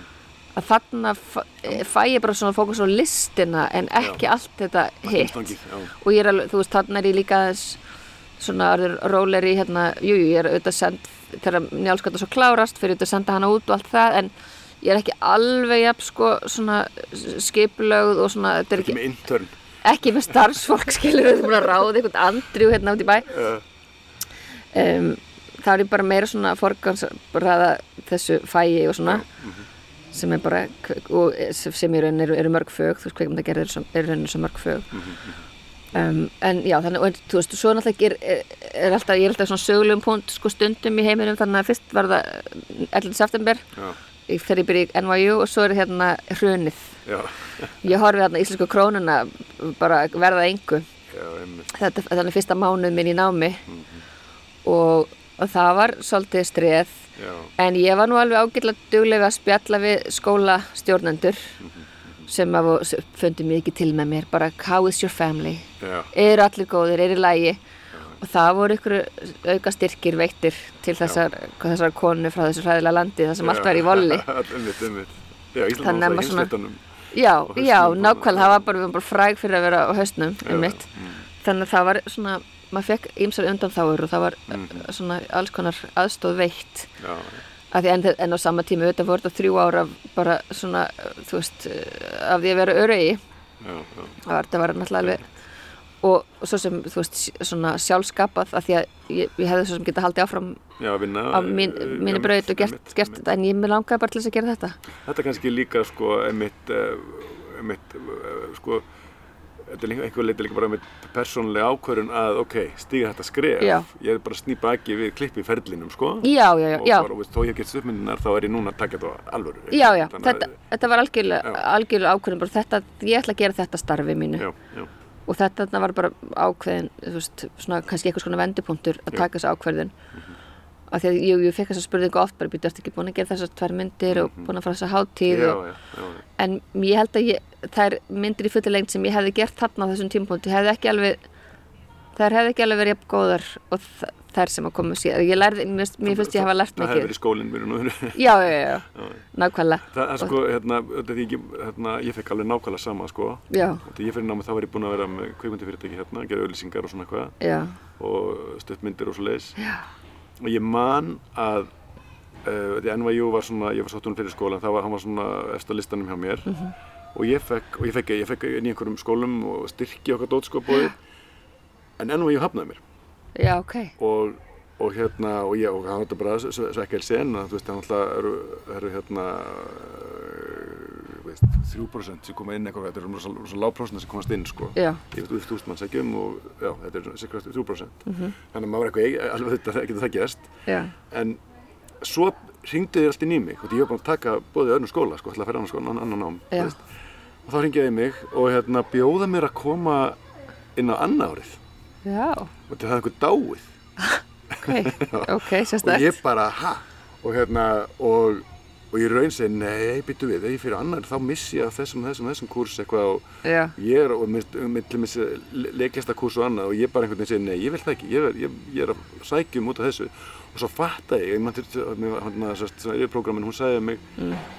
hérna, ég, ég spurði, okkur í fjandarinn að bjóða mér annar, okkur bjóða mér ekki fyrst af hvað er hérna, okkur, hvað er þetta máli, já, we, we thought you're a director who is on your way, og ég, ég, ég, orðalega, ég mann alltaf, Aha. ég Vist, ég hef, ég, og minna efni sem ég hef gert, sko, veist, einhverja auglýsingar, eitthvað dót og ég, mér fannst ég ekki kunna neitt. Uh og það, það var það sem ég vildi fara. Þannig að ég kom, þannig að ég endaði sko, ég endaði símtalið og skrifa svo langt í minn beint í kjölfarið sem er bara útskýrði já, ég vil fara í fyrsta árið út af þessu, þessu, þessu, þessu, þessu. Mhm.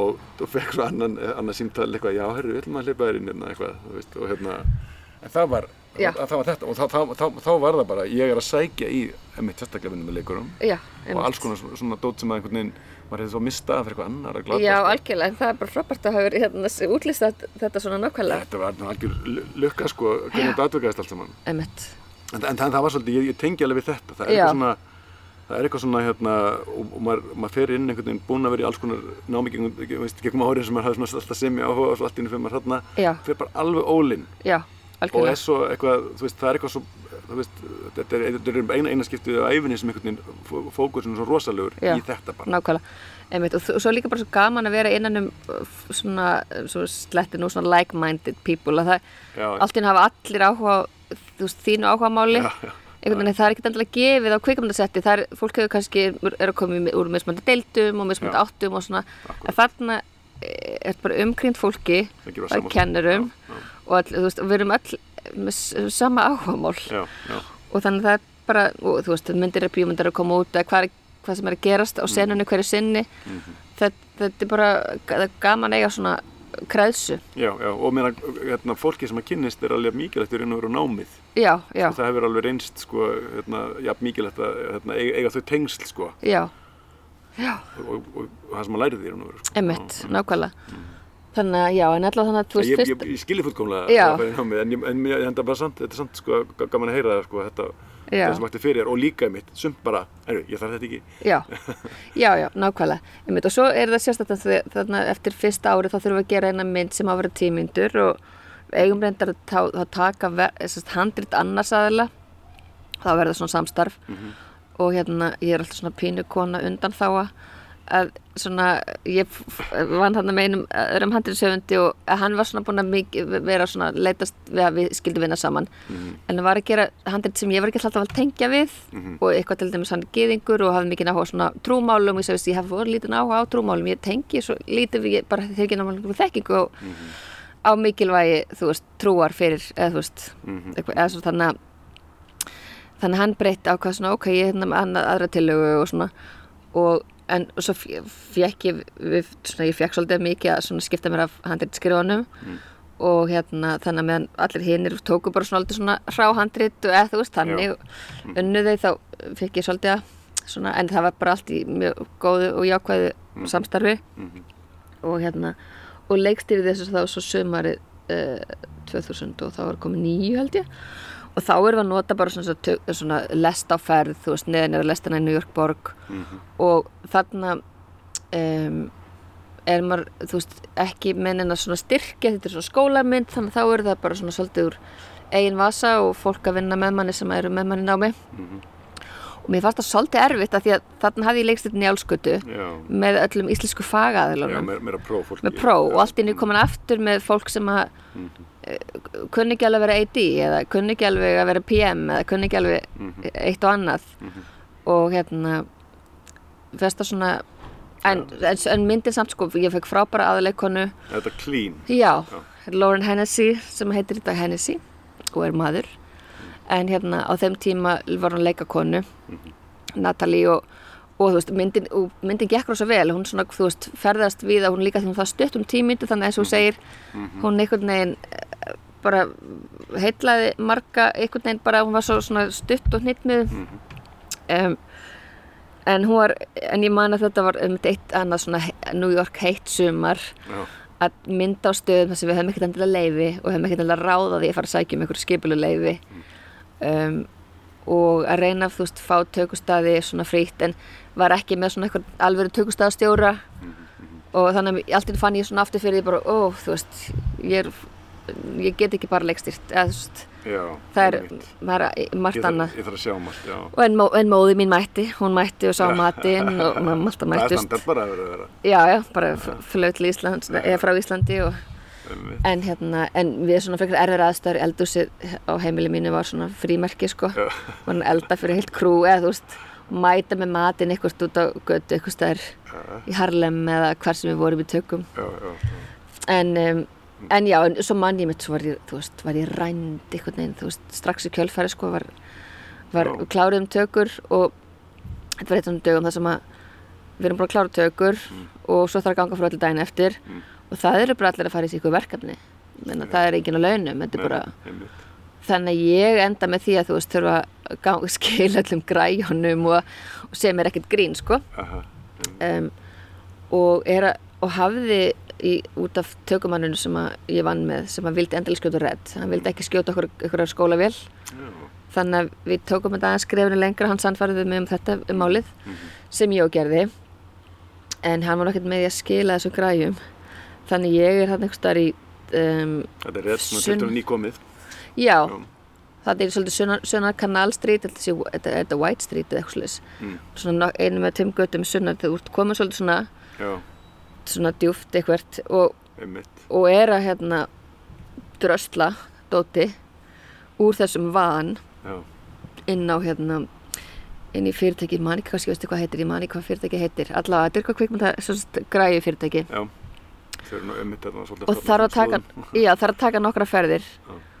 Og að læsa alltaf vaninn um milli. Og svo eitt skipti þá er ég að koma og, og lít svona niður göttun og ég sé ég, eitthvað menn ég alveg byrju ekki er þeir inn í bílnu mín og og þá er við eftir svona, ég get svarið bara svona, en ég sé ekki alveg nógu vel þetta er svona aðeins og langt frá. Og svo byrja ég bara svona að hlaupa. Og svo hlaupa þeir frá inn í annan bíl. Svo fatta ég bara þeir hafa verið að taka eitthvað úr bílnu mínum. Já, og ég næ einhvern veginn og þeir eru á, öðrum einhverju svona minivan eða eitthvað. Og ég næ svona fleia handlegnum svona innum dittnar á þessum hérna á þessum litla minivan. Og þetta er einhverjum menn, ég man ekki þú veist, þú veist kannski hérna allavega, þeir voru ekki, töluðu ekki ensku með fullkonum hætti. Hérna og ég líti alltaf í kringum og ég, sé að ég var, með einhverja hérna, geisladiska í bílnum að það er alltaf einhver dórsdiskur minn komin í bílinn þeirra einhverju persónlega muni frá mér. Bara býtu, akkur, hvað er það að gera við? Og hérna þú veist, og, og svo allt í enn fatt að ég bara, þeir eru bara komni með hérna reddvél, þeir eru bara komni með dýrstu græð, vá. þú veist. Ok, og hérna og þeir segja, ma'am, it's a delivery, ma'am, it's a delivery. We're just doing a delivery. Og ég alveg byrju þeir eru eitthvað að ruggla í mér. Það, það er ekkert delivery í gangi hérna. Og hérna og mér tekst einhvern veginn að horfa á þá og fá bara, eða svona pínu fá taugafall og segja við þá bara þú veist, ég vil gjöra svo vel og skila þessu græjum og hérna, og þeir bara, ma'am, it's, it's just a delivery it's just a delivery. Og ég húð skammaði þá fyrir að vera að ræna fátækan hérna, þú veist kveikmyndanema í New York borg og ég sagði bara, but, þeir eru, ma'am, but it's all, it's all insured it's all insured. Og ég bara, nei, þú veist. Búin að viðkjanna það. Já, nákvæmlega, þannig að hérna, en mér tókst einhvern veginn að fá Já. þá til þess að, þú veist, en ég var bara svona skjálfandi því að ég fattaði líka bara að þeir getur keirt af stað og leggurum minn með, einhvern veginn. En um, svo að því ég skammaði og svolítið rækilega þá bara skiluðu þeir þetta að græjónum yfir í bílinn minn. En ég var alveg svona skjálfandi lengi á eftir, ég bara svona, að þetta var, hattrilinni fór svo hátt upp, sko, Já, og það, það, það, það var svo, munið svo litlu, sko. já. Vá maður, já meina þú veist bara hérna einhver, einhver, einhver hérna á, ákvörðin hjá þeim allt inn bara ok, við hérna, stilum ekki þessu eða veist, Já, já, en Sem líka bara með það, því ég var svo meðvitað um sko, þetta, er- var svo dýrt þarna fyrir mig hugsa bara með mig guð minn góður, ég mun skulda þér margar miljónir og það mun aldrei ná mig, að, þú veist, ná mér eftir þetta. Og líka var svona, það var ekkert rosalega vel séð að vera að leiða svona tæki út í bæ. Fólki þótti svona, nei, nei, þú nota bara skólatækin en þessi tökumæður minn var við við gerum, gerum eitthvað ekta. Og ég sá bara fyrir mig guð minn góður, hérna, svo ég mæti ég bara, veist, sorry, hérna, þreymur miljón krónar fjáttakari eða eitthvað líka.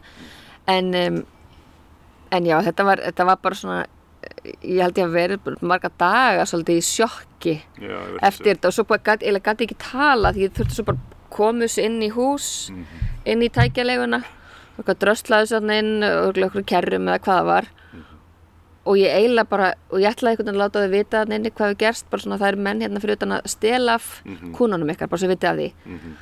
en hérna ég gæti ekki sagt orð ég bara svona skilaði þessu bara svona og eiginlega bara þagði Vá. í örgulega nokkra daga á eftir en já, Þetta er lífsreynsla. Já. Og, hérna, já, en allt, fyrir bankan, svona. já, já, nákvæmlega einmitt, það var bara svona einn af þessum þú veist, el, svona sjóðandi heitum New York dögum sem er kapna og hitta og, og hérna, og þeim höfuglega bara, já, þú veist, ræna þessar konu ég meina, einhver, þú veist, einhver stelpa úr skóla, hún er öll treyð, þetta er allt treygt þetta er ekkert mál. Já, já. og ég gerir mér enga grein fyrir þú veist, hvaða sjálfsábar væri, eða þú veist.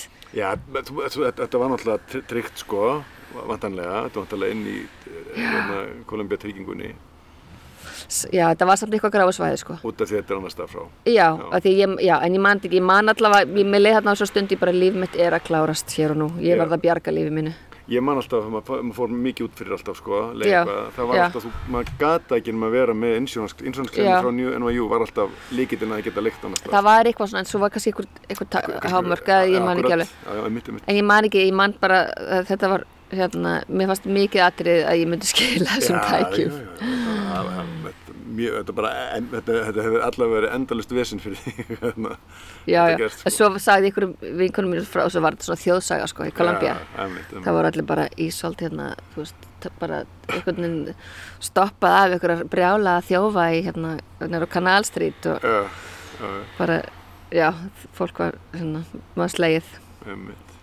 En já, þannig að þú ert þarna, uh, þú gerir þessa mynd, Mm. um, er svo útrás Reykjavík, er það, Það er svo lokaverkefnið. já, lokaverkefni, já. Já, að að sérst, það- já, þarna Annar, annar, annar myndir hérna á milli, hvernig var þetta? meira svona, jú, jú, Minni en ekki verkefni sem, að ég, sem rötuðu kannski út fyrir skóla Nei, bygginguna þannig, maður svona fyrir alltaf að skila ykkur það mi- mikið verið að gera litla senur og, mhm, mhm. og alveg þess svona myndir, sko, þú veist, það var önnur mynd þarna áður sem ég reyndar að horfa á um daginn, já, hún er ágætt, en bara stund sumt bara setja maður ekki peningi að hljóðvinna og Nei, litgreina og svona fannst einhvern veginn ekki ástæði til þess. Um, en maður er svona séð eitthvað leikari og kannski skellt inn á einhvern miðil og bara, og maður er alveg, mm, hún er ekki tilbúin. En Já, að, þú veist, ég var til að, eitthvað, reykist á eitthvað eitt og annað. En um, já, út af Reykjavík er náttúrulega bara innblásin af þessu blessa hruni þarna sem verður 2008 og ég verð mjög upptekinn af þessu hruni og kapitalisma og bara öllu, öllu því.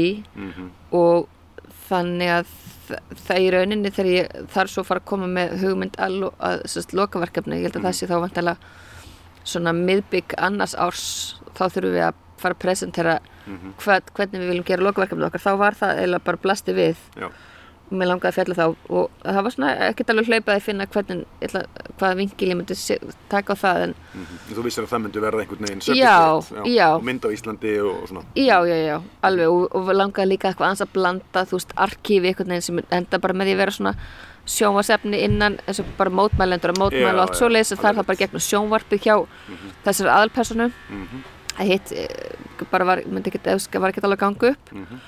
Þannig ég líka, þegar ég var á Íslandi það eitt ég svolítið miklu tíma, ég skoði allt arkíf upp í rúf, Mhm, lág svolítið rækilega við því mhm. og líka svolítið kortleggja bara Já, svo ég hefði hana Mhm. og vissi, þú veist, var búin að horfa á Geir Horti nokkur sinnum, já, þú veist, já, fá já. eiga þá senu og allt svo leiðis Alltaf nokkra heimildamindir gerðar á þessum tíma Já, já. sem er komar út þarna og talaði mikið við alla, alla þá sem hefði verið dokumentarinnir á Östuvelli Já, mhm. þannig að ég fekk alveg slatt af efni og, og þurfti svo sem bara að nota bara brot og brot af því Já, en, en já, var svona mitt var svona vildi hafa þetta svolítið á hreinu bara sögu þráðin þar að segja hruns sögu já, þráðin já, einmitt. en svo var ég náttúrulega bara að vinna með prívat sögu Þetta umgjörun er náttúrulega einhver, þessi, þessi raun sem gerðist. Já, já. Svo, svo náttúrulega byrjandi sögin Já. inn í hann, sko. Já, og ákveð þarna ákveð að nota no, aðalpersonan er að því fyrst sagði fyrir mig bara svona einhver meðalmanneski sem að verður fyrir hruninu og svo fannst mér eitthvað áhugaverðar ef þetta væri kona sem væri svolítið á svona hægri vagnum Mhm, svolítið það sem að stoltið væri alltaf flækjast fyrir henni. Já, og hún um, hún væri ekki alveg tilbúin til þess að horfast í augu við það að hennar fólk innan gesa lappa um, ætti ykkur hluta málið þarna. Hún, hún missir vinnuna og, og er svolítið í skápnu með það hún er svolítið mikið halda rist Ég meina, þetta, er svolítið sko, meina, þetta er svolítið svona borgaraleg everyman persóna þannig séð Já, sko, já. veist, ég meina, þetta, sko, þú veist, eh, hún er ekkert einhver, þú veist, pól, eða veist, hún er sko, hún, hún var bara, Já, já. og er svona með aðeins meina þarna Svona heldri já. akkurat aðeins þetta, já. en það er svona kona sem að það sem að yfir- meira áfall oft Já. svona, fólk, sko, en, og líka það sem að svona um, ímyndin út af við er svolítið ríkur þáttur af bara hennar personu þannig að hún, hún er ekki tilbúin til að sína á sér veikleika eða viðkenna hún sé þurfa að þykja bætur já, já, farir í vinnumálstofnun, þú veist, allt þetta reynist henni mjög erfitt. Já. um, mm, þannig að já, það, það var svona fylgist bara með, með henni svona Mm. he, henni svona bara ná okkur um botni. Já, já, einmitt, einmitt. Í lífi sínu og þú varst náttúrulega tökum að því verkefni Já, já. líka Einmitt, einmitt, þetta, já, þetta var þessar þjálfmyndir sem ég gerum, gerum þér, já. Já, nákvæmlega. Þá, en þá var ég svona aðeins komin aftur í, sko þá var ég náttúrulega búin að vera í Kolumbía í nokkur ár, tvö ár líklega, við við skjótum þetta sömur 2010 Mhm. og en þá er ég ekkert alveg jafn, í mikla, jafn mikla handtelda partíin og ég hafði verið þarna í njálskötunni. Þá var ég aðeins svona búin að róa mig, en ég held ég hef nú ekkert verið neina svona þrýfæti en við vorum bara svona, le- leiðum kameru svolítið að anda, Já, já, um, já. ef ég man það rétt. Það var það það eitthvað þrýfættur þarna sko. en Já, það ok, er, já, getur Já, verið. en það er eitthvað lítið samt, en það bara líka andursátti kallar á hérna hvernig, já, já, akkurat. hvernig þittin verður og eitthvað svona og hann, við erum í sér íbúð, ég menna, ég man að það var alveg, víst, og uh, það var, alltaf voru með staflisir að hennu og svona, þú veist, það var gert svolítið svona Já, svona, já, einmitt. meira klassikan hátt. sko. Já, akkurat, einmitt og var, var svolítið svona að leika mig með þú veist, útsýni yfir skeifuna og svolítið svona aðeins að grínast með svona þessi, æ, þú veist, svona þetta beauty, Reykjavík beauty skot sem eru samt svo mikið and, svona lítið beauty sko Já, já, já. um, og hún á, þessum svölum þarna í, í, í hérna ljóseimum já.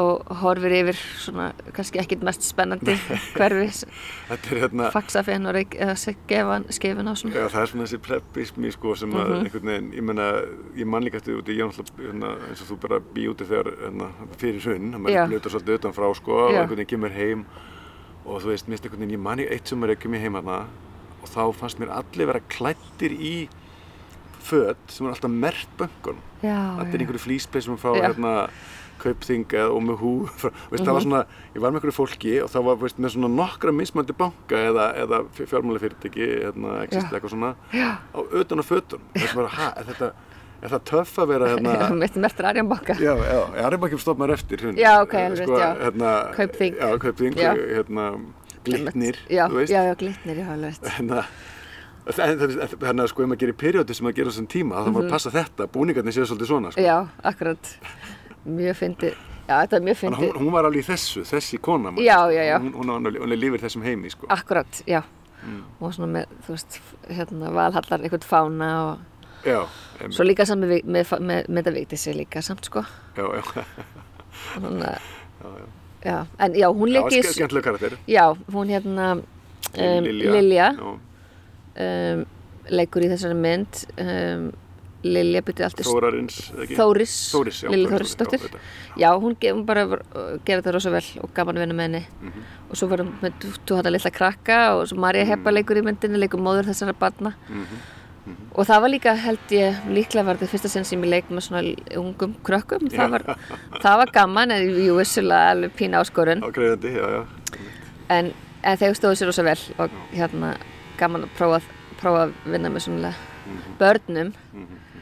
Og alveg ágætis æfing fyrir svo það sem kom að skildi setna þegar ég gerði svo andið eðla en, en já, já, svo, svo mynd gekk svo bara vel. Hún fór á Tellurite sem er er mjög fín hátíð. já, í, og MoMA's hátíðina sem að heitir New Directors New Films Mm. sem ég var búin að halda mikið upp á sem er svona sest, New York hérna sko New York Film Festival er náttúrulega eina svona, svona veigamesta hátíð New York borgar. En New Directors New Films er eða svona sistra hátíð hennar fyrir svona óuppgötaða listamenn getur Já, maður sagt eða eitthvað svo leiðis þannig mjög, mjög spennandi og þá að því að ég sérst kláraði þessa mynd þarna voru 11 Mm. útskrifast hveð New York eftir 10 ára á dvöl og bara, og er þá að koma myndin inn á hátíðir og svona. Já, og svo eh, fæ ég bóð um, sagt, er ég á Íslandi svona hálft ár og fæ bóð um að fara á þessa hátíð í svona februar-mars 2012 já.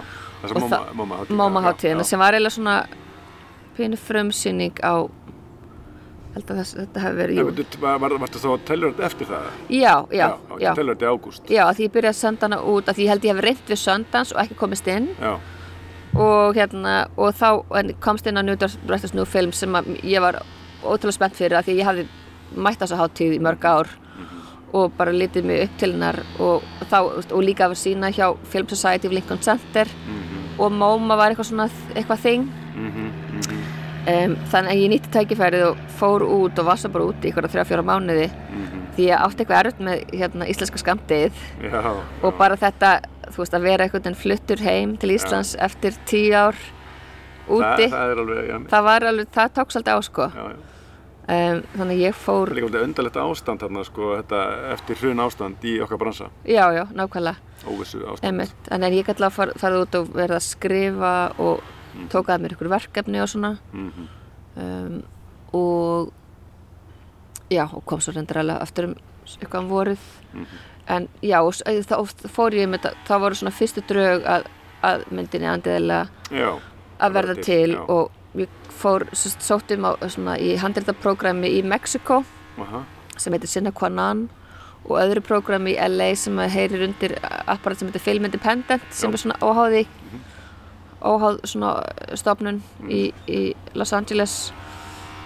Þannig ég fór svo um sömarið síðla sömars á, á smá svona, svona, svona á flakk var nokkrar vikur í þessu handreitaprógrami í Mexiko komst inn á Tellurite hátíðina Já. sem að svona, þykir mjög svona æðislega hátíð, menna, mér fannst þetta tellurætt vera, sko, svo hátíð sem að koma alltaf með í raun, hún það er ekki svo marga myndir sem fara þar, Nei. en það er alltaf svona rosa quality, þannig að það er einhvern veginn, uh, hún einhvern veginn er svona, hvað maður að segja, sannspáist um hva, hva, hvaða myndir er að fara að vera myndir ársins. ég veit Það var einmitt. svolítið alltaf mín upplifun Já. með tellurætt, sko. Já, ég það var mjög gaman að vera, vera hluta af því Mm. og líka bara að sjá myndin sem var verið að sína á þessum tíma og svona Nákvæmlega, já. og svo flög ég beint þaðan til Los Angeles og var þar í svona tvo mánuði og þú, þú varst á búsetu þar Já, þetta er þá, akkurat, Já. mitt, mitt, og þá er ég hérna leiði mitt Alveg rétt, í búðina af honum Þorvaldi Davíð sem var þá held ég bara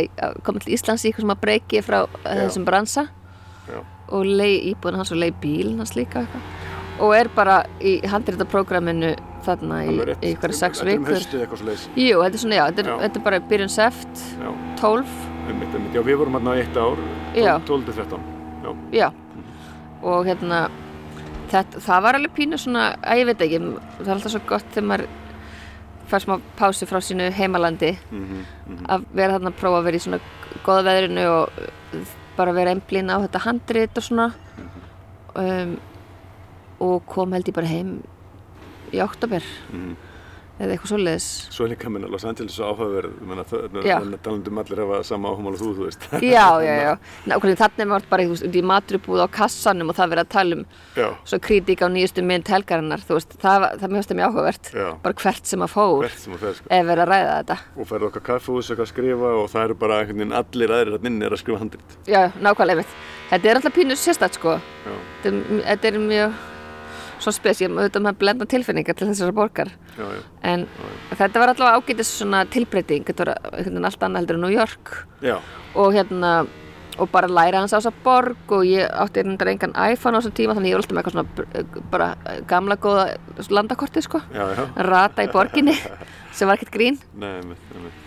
en þannig að mér veist, já, það var bara eh, gaman að Maður, veginn, maður eigið miklu tíma í bílnum. já, maður alltaf, borg, alltaf í sko. bílnum Já, já. ég var einhvern veginn alltaf í bílnum eða í þessu handrættaprógrami eða heima að skrifa fóru á ströndin eitthvað um helgar og svona Já. Ég byrjaði að hlusta á svona mikill alvöru á podcast. Podcast Þarna já. Þetta, og því maður var alltaf, þetta er svo fyndið, þetta er böngnir mér í borginni og svo var maður alltaf að fara eitthvað, að funda eitthvað og það Já. var, og ég gæti svona að reikna með já, þetta er eftir hátdegar að fara neyri hérna Santa Monica, ok, það þýðir að ég með vera lámar klukkutum að linda baka. Já, ok. það sem tekur kannski tímindur að að vera ekki umferð Já. þetta er bara, veist, maður, maður svona lærða þetta. Já, já, best að finna til hérna hvað ég ætla að hlusta á. Emmitt. í þessar, þessar láta Já, já. bíltúr, þetta er alveg magna sko, þetta fór alveg inn á sálinn á manni þessi, er, allar þessar bílapælingar. Ég veit, þetta er rosa, en, en, en er partur af lífunni að leið sko, Já, að, að- mér finnst alltaf að vera þessan þennan tíma, ég þarf, veist, þarf ekki að búa þarna, nei, nei, nei, en enda gagnast mér alveg ágætlega svo lengur síðan því ég fór að tóka eitthvað fundi þarna, já, að vera aðeins svona, já, að aðeins átti með á því hvað, hvað snýr upp og niður og svona. Þó ég nefndar alveg heimsótt áður en ég hafði ekki verið svona lengi já, og ekki verið svona ein á ferð einhvern veginn. Þannig að maður þurfti svolítið að... Og hérna, já, ég meina í þessu prógrami hérna ertu náttúrulega að skrifa Andela Já, og, og aðeins er það aðeins að öðruvísi heldur Já. og verður svo endanum. Mhm, um, að því að myndin byrjar í rauninni að einhver leiti einblá svona af, af hruninu. Mhm, er einhvers konar svona myndu konu sem er, að, er búin að missa allt endar í bílnum með barn, barninu sínu og kettunum sínum og Mhm. búin að missa heimilið sitt og, og það er svolítið fókus myndarinn þarna fyrstum sinn. Já, og ég er að fá mikið punktum á það og einhver af þessum ráðgjöfum meðal annars þessi í LA mhm, segir you need more characters in your film segir hún eitthvað svona. Já, og ég alveg, mm, já ok, hún er bara eitthvað amerísku vill örgulega að fara eitthvað að gera eitthvað svona söluvætna en, en þessi punktur samt svona dvalda hans með mér. Já, þannig að þegar ég kem svo til Íslands um haustið og er svona taka við að maður náttúrulega kem tilbaka með endalist mikið að nótum frá öllum, þú veist þessum hópi og ráðgjöfunum og maður er svolítið svona að byrja hvar á ég að byrja? Í þessu fjalli af pælingum. Já, þú varst en ekki að vinna úr þeim á staðinum, þú varst meira bara að, að taka Sko, við og þannig að hvernig, Já, svona maður eftir, eftir megni en, menn, þú veist, þarna fer maður samt sko að því að þú svo hættir í prógraminu já, og ert bara í miði ferli já, já, og með alltaf þessa punkta og, og veist að það er, alls konar sem virkar ekki í handritinu það þarf að leysa það. Mhm, en maður er ekki endilega komið með lausnindar nei, þannig að og svo náttúrulega kemur allir Íslands og eflust ég við hoppað inn í ykkur verkefni af því að ég, þú veist, alltaf, alltaf hoppið inn í verkefnin á milli til þess að mhm, já, já, eiga borgarreikningana, og allt svoleiðis. Já, um, þannig að um, en svo, svo þarf að færa ekki afstáfs bara se- settist ég inn og bara bóklöðuna og Mhm. bara fóru gegnum þetta allt saman. Um, en var líka orðin eitthvað svolítið upptíkinni mitt af flóttamannamálum sem ég fór að taka svolítið eftir já, og var eitthvað svolítið spennt fyrir því að það, mér langaði að fjalla um þau mál. Mhm, mhm, fór þá aðeins að velta fyrir mig bundi, get ég kannski einhvern veginn innviklað þetta inn í þessu sögu sem ég nú þegar að vinna? Mhm, og þar kemur hugmyndin svona ok, ég ætla að hafa ætla að búa til einhverju tengingu þar. Mhm, um, og, og svipum tíma er ég að gerast svona sjálfbúðliði hjá Rauðakrossunum og er að kynnast konu frá Uganda mhm, sem segir mér sögu sína og sem ég verð mjög svona áhugasum um, mhm, um og, og va, vi, var búin að vera að vinna með Reykjanesi sem tökustað fyrir þessa konu, þessa konu í, um, í harkinu já, og fór náttúrulega sérleitla í hrununu Já. og já, mikið af nýjum eignum og svona sem fólk misti og Einmitt, og, þannig að það hefði og ég var, veginn hafði, var svolítið með ásbrú heilanum sem, sem sjónrænan Mhm. tökustað Mhm. og bara Reykjanesi sjálft. Um, og, og þannig að ég fór svolítið einhvern veginn hugsa um flugvöllin og bara já þarna getur hún mætt að þetta verður svona ferast það eitthvað svona eitthvað, eitthvað hugsunarferli. Gerist svona organist svolítið? Já. En, en átti svolítið tíma svona flókin tíma þar sem ég var svona búið til kannski söguþráð um konu sem að byrjaði með þessa söguna. Hún væri á meil, meilandi hérna Evrópu mm. að ég væri fylgiflóttu konu þar og fá alla bak, svolítið baksöguna. Já, með flottakonunni með flóttakonuna, þannig ég var svolítið að skrifa eitt svoleiðis þráð og svo verið með þráðin fyrir hérna þessa íslensku. Mhm, og, og var svo að reyna að finna ok, byrju, hvar, hvar líka leiðir þeirra fyrst saman og hvernig svona, hvernig þræðast veist, hvernig, hvernig verður þráðurinn síðan. Mhm. og, svo, og svo var það bara svona, eh, bara langtíma púsluspil mhm, mhm, svona mikið til á þessari bóklöðu já, að reyna að púsla þessu saman og líka bara þetta ég að mæta öll að fyrirlestra um flóttamannamál sem að voru þá hvort sem var upp í háskóla eða Rauðakrossi eða hvað sem var já, að reyna bara að kynna mér það því ég var- hafði líka svona mikla ágjur að ég bara svona okkur, ég, verð þá, ég ætla að gera þetta, það verði að gera þetta rétt. Þekkja þessa sögu og skilja þessa sögu. Mhm. um, þannig að var við finnum mjög fyrir því í myndinni Já. Hún er rosa, þetta, þetta svona authenticity er rosa mikið sko. þá, já, þannig því ég var úr og stundum bara eins og þú veist, þeir sem skrifa þekkja maður er alltaf að reyna að ekki gera allt annað en að skrifa.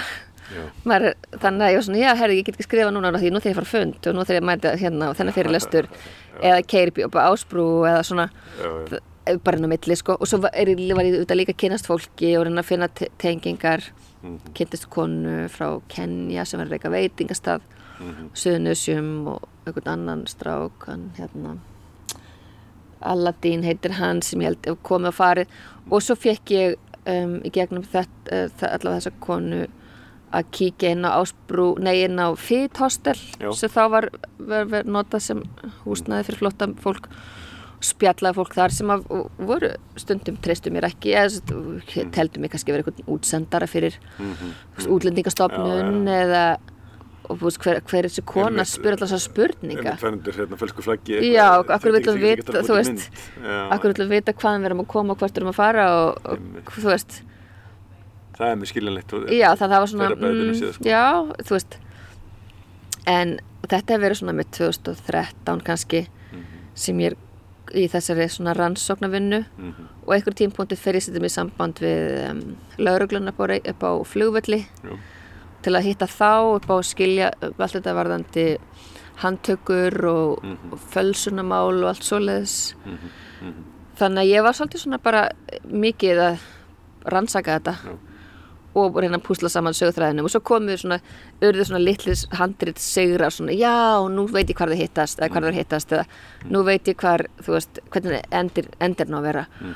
og þá átti bara svona lítið moment bara með sjálfu sér einhvern veginn tók einhvern svona sigur rúnt um þjóðbóklunum bara, ég kom endir þetta er endirinn, hann er já. svo náttúrulega, þú veist, hundra árum setna er maður að skjóta hennan endi en, en já, þetta var alveg, Bóklegan er mjög góður staður að vinna á já Já, ég finnst það þægilegt Já. að vera einhvern veginn ekki á mínu eigin heimili og Já. þó ég verið stundum skrifstór sem það vantaði mig bara að vera innan um fólk um á sko, þess já, að ég það. en mér finnst ekki það alltaf vinna endilega mjög mikið á kaffihúsum þar sem að fólk er mikið að spjalla á kliður og Nei, ég er Kom. alveg sammála, ég vinni rosa mikið þarna líka já, og mitt, hérna, við hefum hitt þarna eitthvað og Já. hérna, ég man ég, ég hitt eitthvað fleiri, fleiri leikstjóra og Já, Þannig að maður er ekki sem þetta líka sko þannig að já, mér finnst einhvern veginn ná ykkur flugi þar og, og alltaf mjög pyrruð þegar bóklaðan fyrir að loka Já. fjögur eða loka okkur, eða þú veist, loka á sundugum eða eitthvað á svona. sumrin alltaf já, eitthvað svona sumrin er opið í korter eða þú veist, Svona priority fyrir hérna háskólanema. Já, hérna þegar það er sko próf. Já, já, já. bara einmitt, ég er, er háskólanemi hérna, Já, já, falla nákvæmlega. einmitt. En hérna, já, þannig að þetta handritaferli tók, tók bara svona sinn tíma en Hérna upplifiru sko ok, þannig ertu alltaf búin að gera nokkra myndir sem að, Mhm. veist, er síndir á allan heim og allt þetta og hérna, og búin að ná í mentununa en, en þarna ertu samt sem að komin að gera mm fyrstu bíómynd. Já, og sem er náttúrulega, sem er samt líka þú veist, þú ertur inn á einhverju svona ákveðnum byrjunarreit þar, já, þó þú sést búin að gera þitt þarna ertu kannski já, alvöru hérna. algjörlega, því það var svo mikið sagt við mann sko, hérna, eitthvað first time director, já, þú veist og auðvitað er það staðrind en í hjartamanns líður manni ekki eftir öll þessi ár og allt þetta brölt og allt sem maður er búin að gera þá maður er inn í sér svona, ha, býtu já, já, ok, á pappýrum já, út í heimi Mhm. heiti ég first time director. Já, og þannig er, er maður presenteraður. Það ég verið að viðkjönd það tröflaði mig pínu. Og það, það stöðaði mig svolítið. En, um, en þannig að hérna þú veist að þetta bara varða fjármögnun skilur það. Að fjármögnunin hérna, getur þá staðans á sér af því að þetta er ekki sannreint talent. Um, það hjá- hjálpar sko þú ert búin með myndina í sem er festival þá taka myndin frá fyrstum direktor já, já, já, það er, er, er, eina jákvæða við það sko. Já, nákvæmlega. En hérna, en okkur gekk á, þú veist, ég menna við fengum hann að sænska með fremlegendur inn sem að Mhm. bara voru mjög áhugasum og, og hérna, og svo komu belgiskir fremlegendur með fremlegendur og þá auðvitað gera það að verkum og þá þegar þetta var komið aðeins lengur á veg þá náttúrulega maður bundin við það að finna um, talent þessast, að ég ætlaði mér, uppalega ætlaði mér að fá bara svona, ég ætlaði að fá konu frá Uganda. Mhm, þetta er mynd sem fjallar um, um þessi mál. Um, tengi svolítið svona kill the gays sem sagt, frumvarpinu. Já. Það var svona upphálur innblástur. Mhm, mhm. en hérna, sem, sem, sem var þá þar í gangi? Já, það var í Já. Uganda var hérna búið að, þú veist, fara í gegnum eitthvað þing hérna, Vá. svona frumvarp. Eða það var svona verið að reyna að koma því í gegn að hérna bara já, samkynniðir bara ætti ekki rétt, rétt á að lifa líku við sko. Sem er merkilega víða sko. Já, en hérna en svo var mér sagt sko að þú eða bara, já, þú erður að finna leik, leikkonu frá Belgíu. Og en svo fengum við rosa fína, fínan castingdirektor Mhm. í, í Belgíu sem að bara kynnti okkur fyrir bara tíu með flottum manneskjum. Sem var innflytundur þá bara alls konar fólk, Já. bara sem fólk sem býr í og, en, en hugmyndin var náttúrulega þú veist, þetta er ekki eitthvað svona hvítt fólk. Já, en ég var ekkert með endilega eitthvað rosalega mikla kröfur í, ok, við bara sjáum hvað, hvað, hvað er búið Mhm, að fólki sem að getur þá verið leiki flottamannisku sem er að flotta einhverstað frá. Mm, og en Babedita, svo sem að leik á endan, Babedita Sadio sem uppalega er frá uh, hérna Guinea-Bissau aha, og hún, hún var bara svo flott. Hún, hún gerði, tók hérna, bara svona masteraði pröfuna svo ótrúlega vel. Mhm, mætti eila bara í karakter, mætti eila bara í einhverjum búning sem hún hafði séð fyrir sér. Þannig að ég ég held að hún, þetta væri bara hennar þú veist, Já. þetta hennar lúk sko. Já. En hún er mentur leikona eða hvað? já, já, hún er mentur leikona og, og var búin að leika eitthvað í Belgíu en, en ekkit svona, þú veist, ekkit eitthvað, eitthvað stórt svona kannski eitthvað eitt hlutarkjör þar. Og jú í leikhúsi og svoleiðis. En kannski ekkit kannski búin að fá eitthvað rosalega breyk sem orðið komast. Þannig að hún þegar hún fær hlutarki þá lagði hún lagði mjög mikla undirbúningsvinnu Mhm, í þetta og bara mikið hjarta og þannig að bæði hún og svo Kristín Þóra Haraldsdóttir sem leikur hinn aðalpersonuna þær voru báðar svona ótrúlega svona metnaðgjarnar og bara uh, svona dedicated að sletti nú. Og æðislega í myndinni undirbyggu sig mjög vel og voru svona mjög heilar í gegnum allt ferli þar sem voru bara svona held ég syndu þessu svo já, grundíkt í gegnum all, allt tökutímbili voru bara alveg í karakter eitthvað Ó, þannig að hérna það var Varstu- mikil þú varst að ræða Kristínu Þóru Mm. hvernig, hvernig var það ferli? Já, sko, hérna Tinna Raps var um, hérna casting director hjá okkur. og við vorum búin að ræða leikonur sem við ætlum, vildum kíkja á og svo kom hún með hugmyndir eða ég kom með hugmyndir og, og ég hafði að sé Kristínu Þóru einhverjum árum áður í hérna, verkinu Tengdó sem að Valur leki um, leikrit leikrit, Já. já. sem fjallar um hérna um hérna sest, æ, svona samband konu við pappa sinn sem hún þekkir ekki já, allavega hérna, hérna allt nú mann ekki hvað svona er valur hérna, Valur, er Valur Freyr? Já, já, já, akkurat.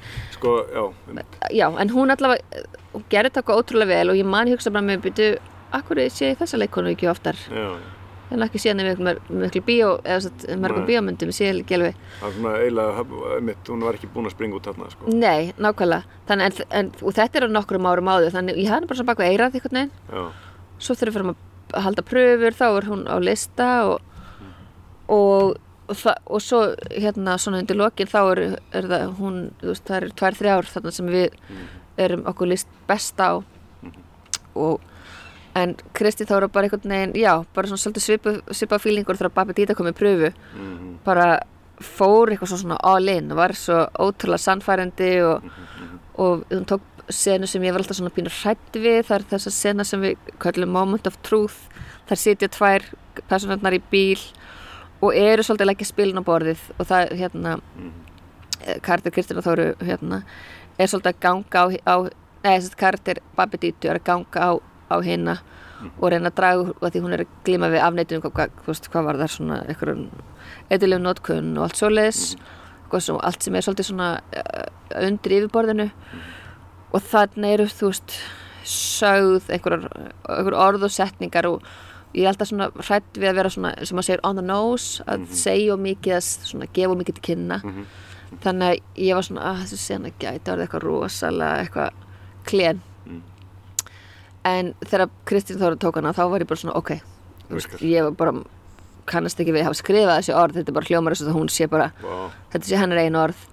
Þannig að þá hætti ég að hafa að gera svo senu og ég bara ok hún, og hún tók fleiri en hérna og saman sem Dítu Babi Dítu tekur senu þar sem hún er handtekinn og er, er í yfirheyslu og maður fór bara að finna svo mikið til með henni bara við með góður hún er að verða lendi í þessu hræðilega yfirheyslu og þegar maður sem leikstjóri og höfundur gleymir því þetta sem hans eigin texti Já, er þá er alveg ok, já þá ef þú get, getur samfært mig Já, sem að eitt í mörgum mánuðum og árum ég skrifi þessu orð já. um að þetta sé bara þín orð þá, þá er eitthvað að gerast Þá er rétt eitthvað að gerast rétt sko. Já. Ég Kristur er líka sko, hún hérna á þessum tíma þá er hún sko, maður þekkt hana kannski einna mest af svona, komedi sko, Já. verkum, hún hefur mikið verið í þannig já, skaupum líka eitthvað svona, eða veist, ég, Akkurat. ég man ekki nákvæmlega en ég, nei, nei, ég tengdi stundin hana- okkar Já, mitt, akkur stundin Já, okkar, en- en ég tengdi hana þar, Já. þannig að það var rosa svona spennandi choice mann ég hjá þér, sko. Einmitt, og það var alveg eitthvað sem að einhver hef, hefði verið að hafa orða á bara já, byrju, er hún ekki svona grínleikona, er hún ekki þess í þessu dóti og, og ég hugsa bara með mér, þú veist, þá hefur þú bara getið séð Nei, nei, skilur við leika í svona, uh, þú veist, uh, alvarlegu verki. Nei, en En ég var alveg frekar sannfærd sko. Já, náttúrulega le- leikarar sko, þú veist, eiga til að festast í einhverju Já, já, já. stundum. Og hérna, en ég menna enga séu góða leikarar.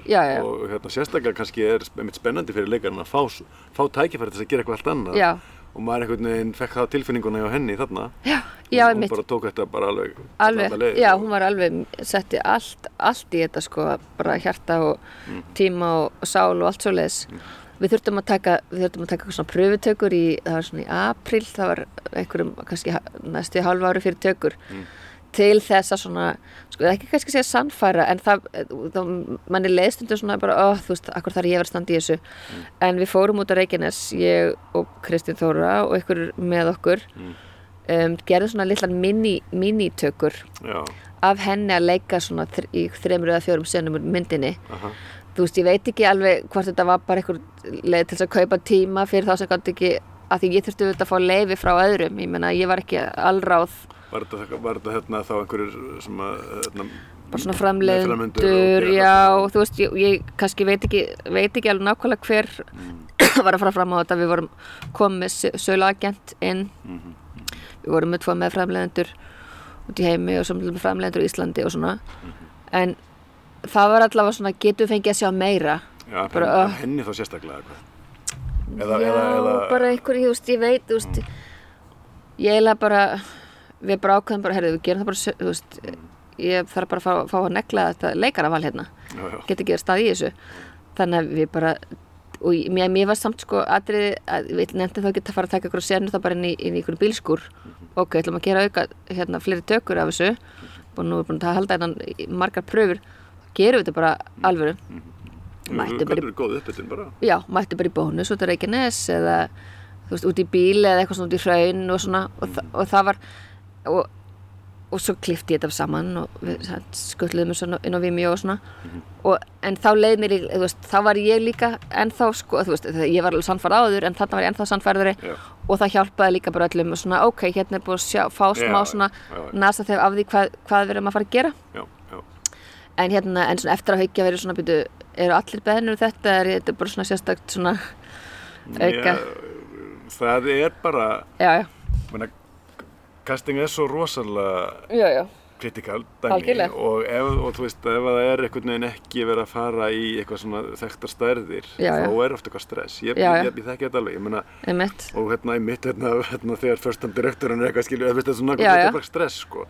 Og en hérna ég, í, í, í svettur og leik var ég með alveg svona þú veist, ég, ég, ég, ég, ég kannski, veit ekki svona sinnur ég er með rosa miklar efasemdir með, mhm, með alls konar kast þar og hérna þurfti svolítið að svona að sanna sína fram á og gera heilmikla pröfur til þess að ná að selja einhverja ala sem að veitna, já, og, veist, og, og, og í raun og mér er sér að prófa einhverja þekktar leikar þó ég var í hjartamanni búin að, búin Já, að, kasta sko. Já, ég skil, einmitt, þetta er alveg svona En- og ég skil það sko. Já, já. Þú, veist, hérna, þú veist þú ert búin að vera að vinna vinnuna á fullu og Akkurat. með leikurunum og ert búin að, búin að finna þetta rétt choice. Uh Uh-huh. hinnir sem eru bara að sjá eitthvað videopröfur eru kannski ekki komin þangað. Nei, nei, akkurat, þannig að þú veist þannig ég svona ég, ég, ég held að sé ég, ég, ég, ég skil þetta alveg. Hérna, en, og, en, en þú veist og þá bara einmitt kannski líta frekar á það sem fína Mhm. uppbytun og, og hérna til að til að prófa eitthvað og, hérna, og kannski, eitthvað, ég veit ekki hvernig var það en mögulega hjálpaði það þessum sinnum eitthvað smá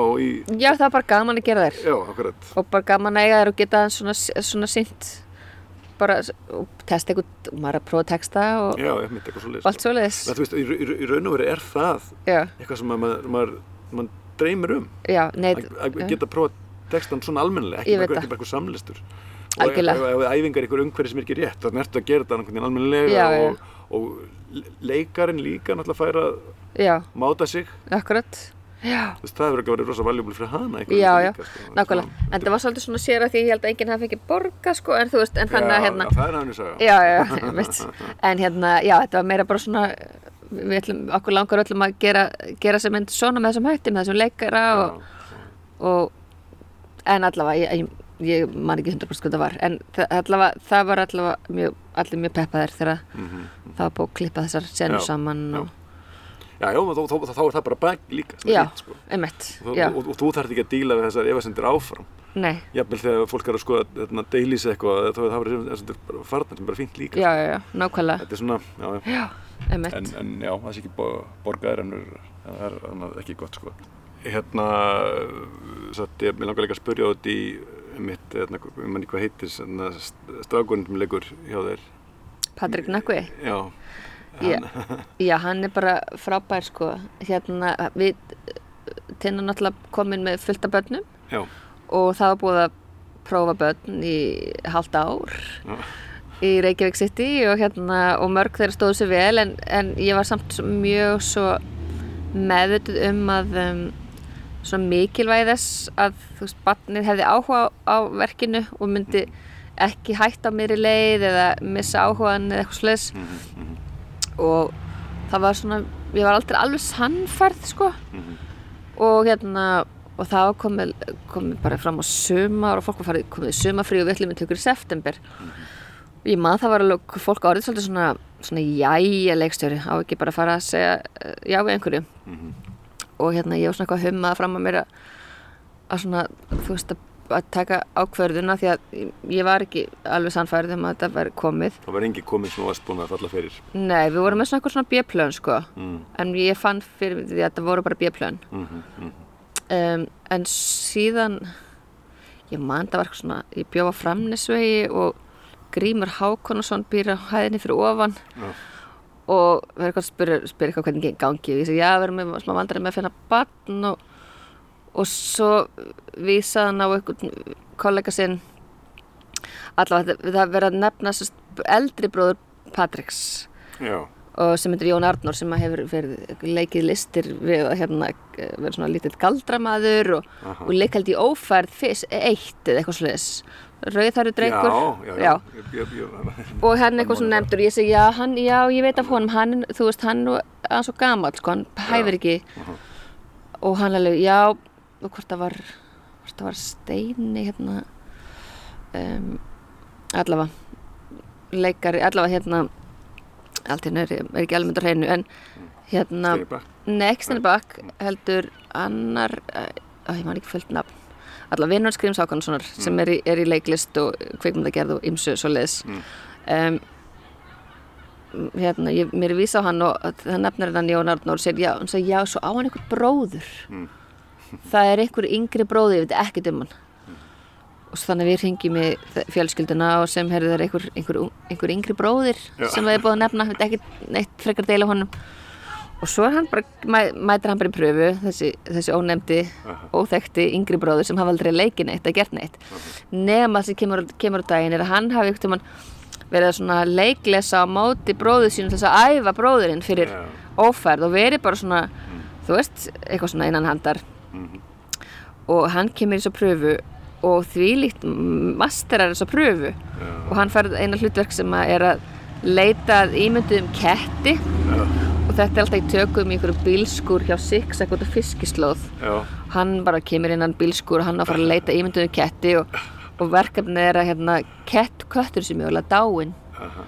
það kom, eigi að koma á daginn og, en hann er bara svona bara, og köttur hindi músi og svona og hann kemur inn og bara og fer að leita þessum ímyndaði ketti og er svo sannfærandi að ég er bara orðin miðið mér fyrir hann bassins, bara barnið er bara gráti næst að leita þessum ketti og, og þetta er alveg hræðilegt hádramatísk sena eitthvað neginn og þetta gerir hann bara einhvern veginn svona f- dettur inn í karakter. Mhm, mhm. svo voru fleiri senur held ég þegar hann er að ræða við móðu sína um um hérna, akkur kettirni sjallir í búrum, akkur dýrin í búrum. Mm. þú veist, leiðist þeim ekki í þessum búrum hvað, hérna, hvað málið? Og bara hann tekur hérna hverja senun og fætur annari Mm. og er bara svo ótrúlega sannfærandi. Já, þannig allt í einu er svona, vá, þessi bara, þessi bara leikari. Þú bara veist á þessu mómenti, að... Já, ég er bara svona, ég er ekki bara svona neitt af þessum börnum algjörlega hoppi inn í karakter bara svona sísona Vá, og um, hvað er hann svo- gammal þarna? Byrja hann er fættur 2008 held ég um, þetta hann svona 7-8 ára axlis einmitt. Minnir Þetta það. aldur sko, svona, svona, svona dett inn í að geta svona, hlutina. En, en við eigum svona, spjalla því ég myndi stundum að spyrja svona já, svo gerum við þetta í haust og, og hérna, Mm. þú getur þetta að skrópa í skólanum og missa af tímum og getur mista fótbolta, handbolta eða einhverju hann, já, já, já, ég er alveg búin að ákveða það sko ég ætla bara að gera það á voruninu og var, var alltaf með svona svör við öllu og lausnir við öllu Já, náttúrulega kannski hjálpa hann að hafa sér bróður. já, nákvæmlega, þannig að áttaði alveg á því þetta er ekkert bara svona Já. mæti í dag eða, þú veist, eitthvað, eitt, eitt, eitt síðdegi Mhm. þetta er bara svona verkefni þannig að þannig að við vorum bara mjög snöggar að taka ákverðinu sko, skoðuð við allt þessi myndbönd og Já. pældum aðeins því um að hann væri málið. Mhm. um, Þetta er áhugavert, meina, hérna, en, og, og kannski líka út í þú varst búin að fara í gegnum svo marga krakka Já, sem þú varst ekki alveg viss með þá, þá ertu komin einhvern stöða sem þú veist hvað þú vilt. já, já, Þannig að þú sér það, þá bara já. já nákvæmlega, að því, og ég var bara svo ótrúlega meðvituð um að bara ef barnið klikkar þá, þá, erum við, erum við með heila produksjón sem að bara, þú veist, það getur allt farið í vaskin Mm. Ma, þetta má bara ekki bregðast. Þetta er það stórt hlutverk. Já, já. Um, og, og svo var hann bara svo flottur og kemur og sett á svona bara þvílíku fagmaður bara eitthvað fættu fagmaður. Og er umtlað auðvitað lendir í því að eins og margir leikar er að velta að býða eftir okkur það er alltaf verið að býða og svona. Og hann segi við Kristínu Þóru ykkur, ykkur svona síðlag földs ykkur starf ykkur miður út í hraunni Já. bara Kristín finnst þið leiðilt að býða svona. Já, þú veist, maður bara venst í eða svona, þetta er bara hluti, þú veist. Já. Hann, já, þú veist, þú verður bara að vennast í að þetta er hluti af starfinu. Segir við Kristínu Æðislegt. já, alveg búin að Já, það er svo gaman, svo gaman sko, hérna, einmitt krakka sem að svona, þeir Mhm. eru oft komast með eitthvað svona, mellum okkar svona, svona rosalega já, vön, já, já, svona móla sko. já, Þetta er náttúrulega hérna, það er náttúrulega, þetta er aðeins svona moment í hérna, í hérna, Once Upon a Time in Hollywood, þannig já, þarna stelpan sem að algjörlega að- að, er að kenna þetta til kapli og karitnum já, hvernig á að vinna sér leikari og hérna, hvernig á að byrja sig að það eitthvað. Og bara En þetta er með, með, já, með svona krakkar, náttúrulega bara, þetta segir líka bara, þú veist, hérna er bara, hérna bara vel gefið barn, sko, einhvern veginn og skilur þetta og er bara fljótt að tilhenga sér þetta. já og líka svo mikil kostur að þess að hérna að fjölskyldan vissi Já. út í hvað hann var að fara. Já. Þú veist, það var svona Menn þú ert alveg að mingi að kasta já. Ég, ég, ég upplifi það. að að hérna, þú veist, það er alls konar hluti sem að fjölskyldan getur fara að missa af. Já, um, já, já bara eitthvað vesinn, bara. já, já, að, nákvæmlega. þannig að, hérna, að það, það, þú veist, hann var í, sko, það var það minnsta máli að vera með honum, sko, hann var alveg, alveg fagmaður, kannski kötturinn með mesta dramadrottningin, það var pínu, hérna, það var pínu áskorun Já, fyrir okkur öll, það Það býð er- eftir, að kötturinn gera það sem við vildum að gerði. mjög örður. Varstu með, varstu með fleiri eitt hvað? Nei, við vorum með einn kött sem var primadonna og var, var hérna í eigu einhvers aðila út á Reykjanesi sem átti nokkru ketti. Já, já, já. Það voru alveg einhverju dagar, allavega einn dagur, það sem ég mani, ég mætti að sett og allir fara í senun og ég helbiti, hvað er kötturinn? Já, það er eitthvað, eitthvað vesen, eitthvað og ég bara, hvern, þú veist, ok, hvernig við að gera þetta? Svo ringdi ég hann og reynt, eða eigandan sem segir bara, Dexter, hann heitir Dexter, sem sagt in real life, Dexter verður bara verið frí í dag. Dexter er bara, er bara þreytur Já, og þetta er bara, hann er alltaf bara að taka sér frí já. og þá er bara ekkert Því verður bara að gera eitthvað annað. Já, veist, það er bara þannig. Þannig að það voru einhverja sena sem við, þú veist, við ætlum að skjóta einhvern fram hjá honum og Já. svo er bara hendin mjálmi í eftirvinnslu og allt svo leiðis. En ég var stundur bara svona, guð, minn góður, en svo líka eins og þetta, hann köttur ná náttúrulega að stinga út úr bílnum, hann á að hlaupa og alls Já. konar með mikla pælingar og hvort þetta gerir þetta bara í einhver eftirvinnslu. En, og, já, en það var svo löngu setna þegar ég er sest í klippið í Belgíu með klipparunum að hún náði einhvern veginn að klippa sér í kringum einhvern veginn Mm. með einhverjum meistarlegum hætti með hljóði og öllu en ég var alveg fann að vera bara svona hver getur gert bara einhverja þú veist, eitthvað CGI, eitthvað Já. kött þú veist, mikið búin að pæla í þessu líka Vá. bara var að skrifa þetta. Aha, hvernig leysum við þetta, einmitt, einmitt. að það, það leystist.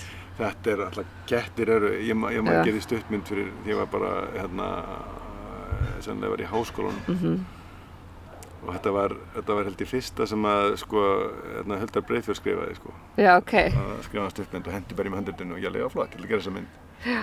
Og hún, hérna, hún er með, með, með, mikið með kött, sko, já, og ég, ég, ég kasta hann eitthvað kött sem er í fjölskyldinni já og það gekk bara og ýmsum með það. Og ég enda á nota þrjá ketti. Já, ok, sem líta ekki endilega mjög líkt út sko. Nei, nei. En það vildi til að mynda á svarkvít já, ok, ok, það til það, sko. það hjálpaði til. þetta var alveg, alveg rosalegt sko. Og bara út á vetur, fara út með hann halda hlaupin inn aftur. Þetta bara, veist, ég get alveg ímyndað mér hérna. Já, við vorum eins og með kattapröfur sko, en þú veist eftir að higgja bara hvað var þessi kattapröfa ég meina kettir, veist. þeir, þeir hlýða ekki þeir eru bara Nei, með nei. sitt eigið þeir eru með hundar alltaf á mál Já, þeir, nákvæmlega, múta þeim og svona. Kettir er bara, nei, ég ætla að vera í frí í dag Einmitt, Það- það- veist, nákvæmlega. einmitt, get ekki staðið í þessu.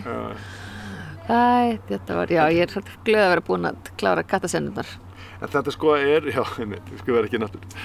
En, alltaf ekki bráð. En hérna, sko, já, það er þetta, hérna, þetta, myndinu þetta er, hérna, þetta með þessar, hérna, merkilega sögu og svona, en það er einhvern veginn, leikurinn er einhvern veginn það sem bara kemur fyrst í hugan hjá mér allavega. mm Og hvað þau eru þrjú öll, öll afbyrða góð, sko, og hann ekkert síður, sko, en það er og þetta, hann einhvern veginn þess að spyrja út í hann. Já. Það er, hérna, mitt eins og segir, ef hann hefði kannski ekki verið góður, þá, mitt á, ég veit ég er ekki að segja þá myndi myndin fallaði eitthvað þá bara með, já þá einhvern veginn er það ófullkomið. Já, það er Þetta bara dýrkeft erfitt, sko, já, og líka að, að, að, að þetta er líka það að leggja sér fram, vilji vera þarna, vilji ekki, sem sagt, Mhm.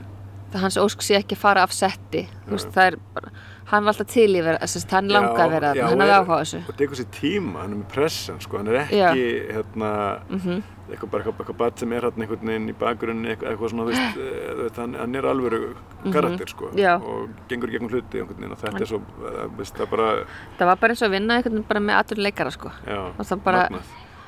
Einhvern veginn hafði ykkur svona náðargáfu sem ég skil ekki Já, hvernig svona lítill drengur hefur allt í henni að hafa Mm. lært neitt af þessu, sko. já, hann, hann hefur bróðið sinn, Já, já, algjörlega. og, og, svona, Einmitt og kannski búin að prófa einmitt, með því að vera aðeins að hérna, hjálpa bróðu sinum að þetta. undibúa senu eða tökur hafi, hafi kannski aðeins átt að því ok, þetta er Mm. maður þarf aðeins að æfa sig maður mætir ekki alveg kaldur Þetta er góð set. pæling, hérna hafa í huga sko ef hérna, einhverju sem hafa leikja í yngri sískinni. já, já, nákvæmlega einmitt þetta var mjög góð ábending bara alveg frábær sko allt, bara allt svona eitthvað tilvílandi kent en hérna, en já, þannig við tókum þetta upp hérna haustið 2016 út af Reykjanesi, það var eitthvað alltaf rók og já, fengum öll veður, öll heimsins veður og ég var oft bara svona við erum góð hvernig þetta leys út í klippi? Hérna erum við með rosa sól og nú, komið, nú voru skíjað og það kom haglél og það var svona mjög breytilegt já, já, veður. Íslenskt. svona. bara mjög íslensk sko.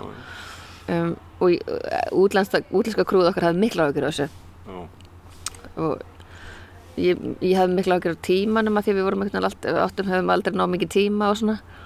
En ég skil alveg að töku menn og töku konur hafa áhyggjur á byrtu og consistency í byrtu og allt svo les þannig að það var svolítið svolítil áskorun fyrir okkur.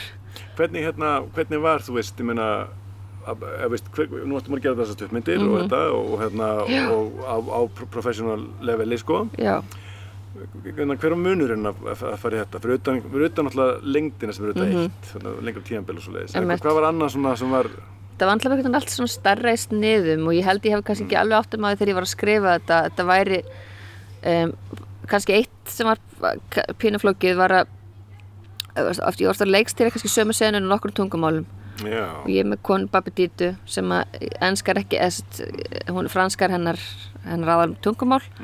Um, en ég vil samt tala við Kristínu Þóra á íslensku mist þægilega að leikstýra Íslandingi á íslensku það bara eðlislegara þó ég get alveg leikstýrt en á ennsku það bara skríti sem er lítinn dreng sem að sem að er, ég leikstýr ekki á ennsku og hann var ekkert endilega komin á þann stað að ef, ef ég var ekki á ennsku hann var ekkert alveg ná, ná því öllu þannig að þannig að, og svo er kannski með krú sem er náttúrulega alþjóðlegt sko. Og þau eru tala sína milli kannski pólsku. Kamerukrú. kamerudeildin er tala, tala sína milli pólsku. Uh, neða sænsku reyndar. Já, hún er, já, hún er tala nokk- tökukonan er pólsk, býr í Svíþjóð. Um, gafferinn hennar er, er hérna sví, þannig að þau tala sænsku. En hérna uh, greitirinn er talar pólsku þannig að þau tala sína milli pólsku uh, Marta Luisa var með leikmynd þannig að það er gott að tala saman pólsku. Þannig að það eru nokkur tungumálandi í gangi Já, og stundum verður það svolítið rugglandi þegar aha, við erum ekki öll að skilja hver er að segja hvað við hvern og gefa ykkur um öðrum fyrirmæli. Já, og ef ég kannski le, hérna, leikstyrir og stundum er þetta bara einföld leikstjórn atrið, bara eitthvað svona mm. Babadita, getur að passa á hausinn en sé meira til vinstri svo við náum þér í mynd og meiri profíl á þig hérna og, og það þarf út þú veist, eitthvað varðandi drengin það tala þá íslensku. Og fólki finnst óþægilegt, leikur finnst óþægilegt þegar það verður að gefa fyrirmæli sem þau skilja ekki. Er, já. þannig að maður þarf að þannig að þú veist, allt þetta þú veist, fór, fer að taka tíma. Bara svona allir séu með allt, allir inn í öllu alltaf. Já, um, það við þurftum að, þurftum að smá svona tíma til þess að, að synka, þú veist, ná okkur synki með þetta og þú veist fran, ég meina, og svo er franskur hérna, svo franski hljóðmaðurinn Mm. byrjar alltaf að, að hérna, merka tökundar sína á fransku Já. og ég alveg, herri, ekki, getur gert eitthvað getur, Já. ég ekki bara að hafa þetta já, því að ég veit ekki hvernig þetta fyrir end, endar í klippi, við skulum bara passa við sem all já, skiljum all hvað er í gangi Mm. þannig að þetta voru, þetta var mjög alþjóðlegt já, já, sett sem var auðvitað bara mjög áhugavert og allt það, en þetta var ég hafði ekki reynslu af þessu áður Nei. þarna var ég bara annarkvæmt búin að vera í ennsku mælindi um Já. hverfi. Mm, eða alveg eða ís- al íslensku mælindi um hverfi.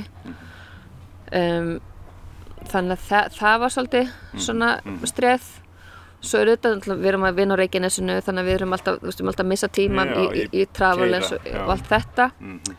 Það er Em. alveg uh, einn og hálf tíma á dag. Já. Eða hvað það er, já og svo náttúrulega, þú veist sumt af þessu húsnæði sem við erum að nota er kannski ennþá með amerísku rafmagna því þetta er náttúrulega gammalt, þú veist. Base, skilur það er alls konar svona hlutir Já, sem verka að tefja mann og, en um, þú, veist, í, þú veist, við vorum að fá samt alveg svona rosa gott efni út úr þessu en þetta var náttúrulega með við stuttmyndir ég myndaði náttúrulega bara orðið miklu starf með miklu fyrir tökustæði það pæli miklu fyrir leikmyndum um, bara og vera með allar heildar myndina í hausnum. Já, alltaf einhvern veginn byrja okkur hvaðan er myndin?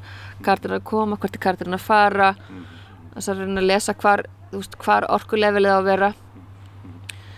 Um, af því að þetta er náttúrulega karakter sem að vera svona þjáðir en þeir, þú veist, kannski er hann að finna eitthvað, eitthvað stíganda í því og það passa við sem er rétt um stað já. svona í, Já, í já. stígandanum og allt svoleiðis En upplifður þú veist uh, sko í stuttmyndunum þá var, þetta alltaf svolítið bara svona one man show þannig séð, já, já, þú veist. Já, byrjar og endar á þér sko. Já, já. Þarna, Í, í bíómyndum uh, þá ertu komið komið með hérna, aðra sem eru líka með mikið undir og, Já, hérna, veist, upplifður þið svona þannig ábyrð eða pressu eða þú veist, var það eitthvað sem að sem að þú, Þú veist- upplifðir beint eða þú veist, veist, já, kannski sko það sem er kannski erfitt er einmitt að þurfa alltaf að fá svona fá grænt ljós frá öllum. Maður veit kannski bara, maður veit bara þetta er leikari sem ég vil vinna með. Já, en að þurfa svo að fara gegnum eitthvað svona eitthvað system til þess að sannfæra alla hina um að þetta sé rétt val. Já, um, og, og þú veist svoleiðis. En, en annars þú veist á settinu sjálfu þá kannski var ég ekkit Nei. en þú veist, jú, jú, auðvitað með meðutur um að all dailies sem er verið að, ég meni, ég hafði ekki upp reynslu af því áður allt sem við gerum á setti, það er eitthvað, hópur af fólki sem mun svo horfa og hafa skoðuna og, en ég, ég get ekki satt að við fengið mikið að svona einhverjum punktum í gegnum um, upptökuferlið Mhm. þannig séð. En, en ég held ég að en ma maður fann það bara veist, leikarnir er að standa sig. Þetta eru svo flotti performancerar. Þannig ég var mjög fljótt bara svona ok, ég ég hef ekki ágjör af þeim, veist, þið hef ekki ágjör af senunum. Ég hef vissulega ágjör af tímanum sem er ekki nægur, við erum ekki með nóg marga tökudaga. Er að og... og hérna, og ég er með tökum, tökukonu sem er, er mjög metnaði gjörn og vill helst skipta um perur þegar, þú veist, það er hægt, eða skilur, Já. vill mastera lýsinguna sem vel og mögulegt er. Hvort um tíma í það, ég, ég veit, veit það ekki. Þannig að þú veist, konflikti verður kannski ég þarf að eiga tíma fyrir leikara. Já, en hún þarf að eiga tíma til að lýsa.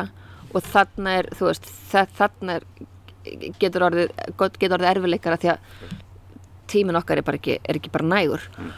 Og svo getur maður lent í því að hérna, erlend leikona um, svona kvartar létt yfir því að fá ekki nóg margar tökur. Og hérna og ég segi, þú veist um, bara treystu mér ég mun aldrei, veist, enda rappa senu nema við eigum performansin en ég skil alveg að leikari vill fá fleiri já, tökur ef mögulegt er að því að kannski án meirinni já, vill prófa eitthvað annað kannski, er það eða? já, bara kannski, þú veist kannski, ég leik- nú hef ég aldrei verið leikari en ég geti ímyndið mig kannski taka 1, 2, 3 þú ert kannski bara að vinna upp í einhvern stað. Og svo kannski á ég bara efna á 5 tökum. Og ég segi frábært 5, eða þú veist, ekki, ekki það ég sé eitthvað að tella, ég bara skinni á ok, Já, já. vinna á þessu, þetta er komið gott. Og segi bara ok, move on.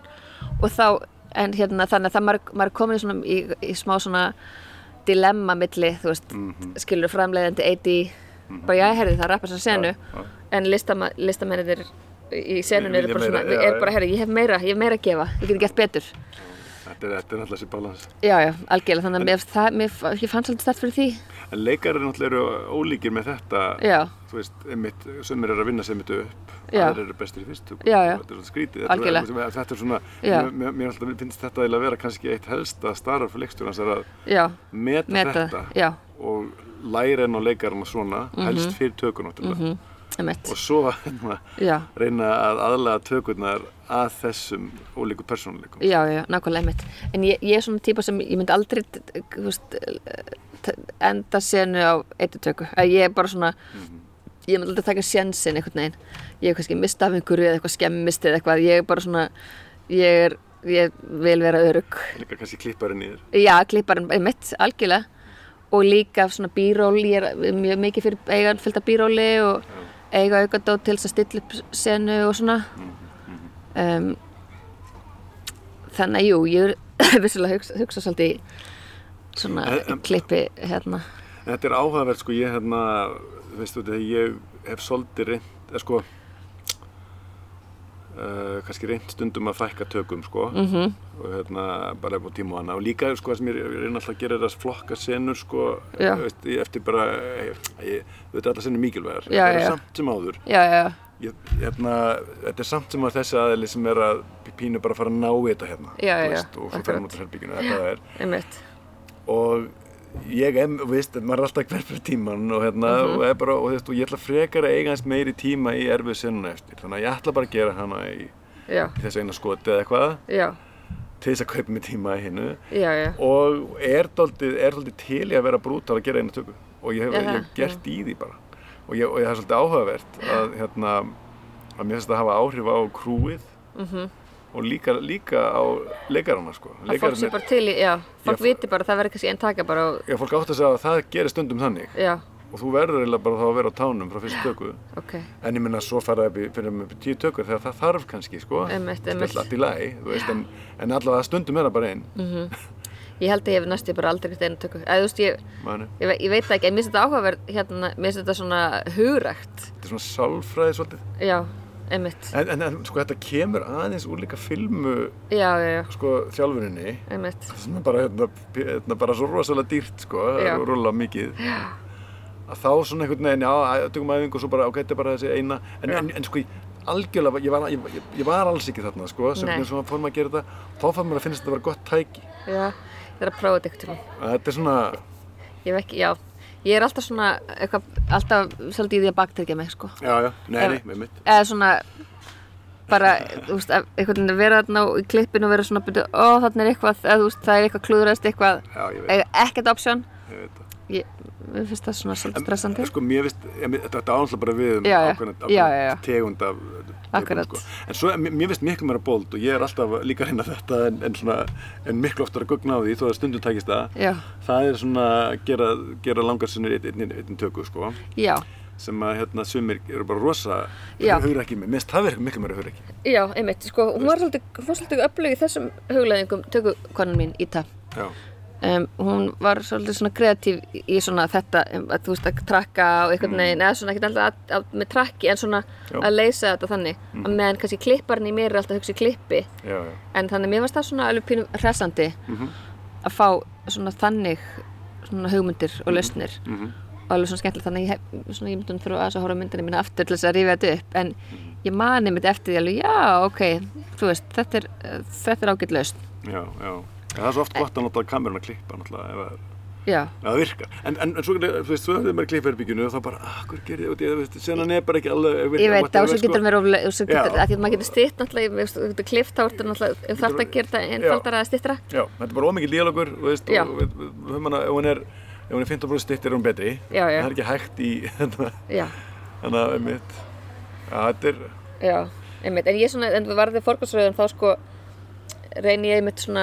allavega ef ég hef tök á því að hafa þá senur svona aðeins framar á degi sem að eru þú veist, sem mann man er andum já, já, til þess að þurfa ekki að, þú veist, einhvern veginn að ég veit ekki, svona rush, Já, rusha gegnum þetta í lók dags.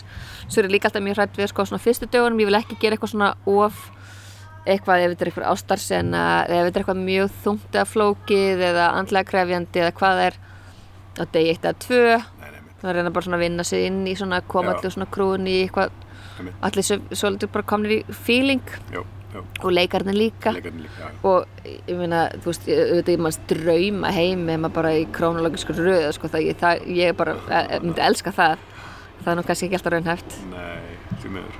Þannig en, Já, já, Nei, það, menna, veist, það, það er svona hitt sem er stóri parturinn mm. stóri leikstjórnar sko, einhvern veginn að já, já að geta unnið út, hérna, út, út úr því já, bara, rif- þú veist, í rauninni hjálpa öllum það er sér leikurinn um átt að segja hvar erum við í, í þessu ferli, þú veist, hvar, er, erum við stödd? Hvað, hvað gerist á undan, hvað gerist á morgun? Já, já, í hérna, heimi þessa fólks. Akkurat þannig að maður er oft bara svona eitthvað svona aðeins að minna á, sko. Þetta er hérna, þetta er sko þú- sko, svo fer þetta einhver aðra víti stundum í sjónvarpinu.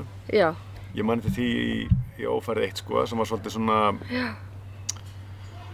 Já, þú veist, það var ímislegt sem að vera að gera svona, allir voru svolítið að gera fyrsta skipti ímislegt þar sko. Já, hérna, til dæmis að vera með sjórununa en ég man ég var bara mjög snemmi tökuferlinu þar að gera Já. eitthvað sinnur þætti átta já, og það var bara ekkert búið að gera neitt svo langt inn í Mhm. með leikurunum og þeir og bara, þeir vissu ekkert.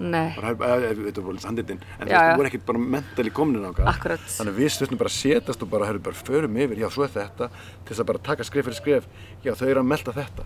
Gerðum við þessu senu, ég var alveg drullu ofan með hana. Bara, þetta er ekki að virka og við erum að prófa eitthvað og svo bara dimbúinn svo var rosa fín í klippinu, sko það í góðu. virka- já. já, þetta var allt í, allt í Ein- fína en það var, það var þetta já og þetta var bara veginn ekki ment, þetta er svo stórt maður veit ekki það. mentali komið þangað. og stundum hérna um, stundum ef maður svona einhvern veginn sko dómharðari á setti já, að hef rétt. st- stundum sko verið bara svona, eða það að taka aðra tökku, að taka aðra tökku og svona svo ef ég sé þetta í eftirvinnslu bara svona, byrju, hvað var eftir vandamálið já, en ég, það er eitthvað sem ég verið að tek- taka eftir á tökustað já, já. sem að greinilega sé ég ekki lengur í klippinu. Nei, og þá kannski er fyrirtakan betri eða eitthvað já, já, nákvæmlega mitt, það er mér fyndi hvernig það virkar. Já.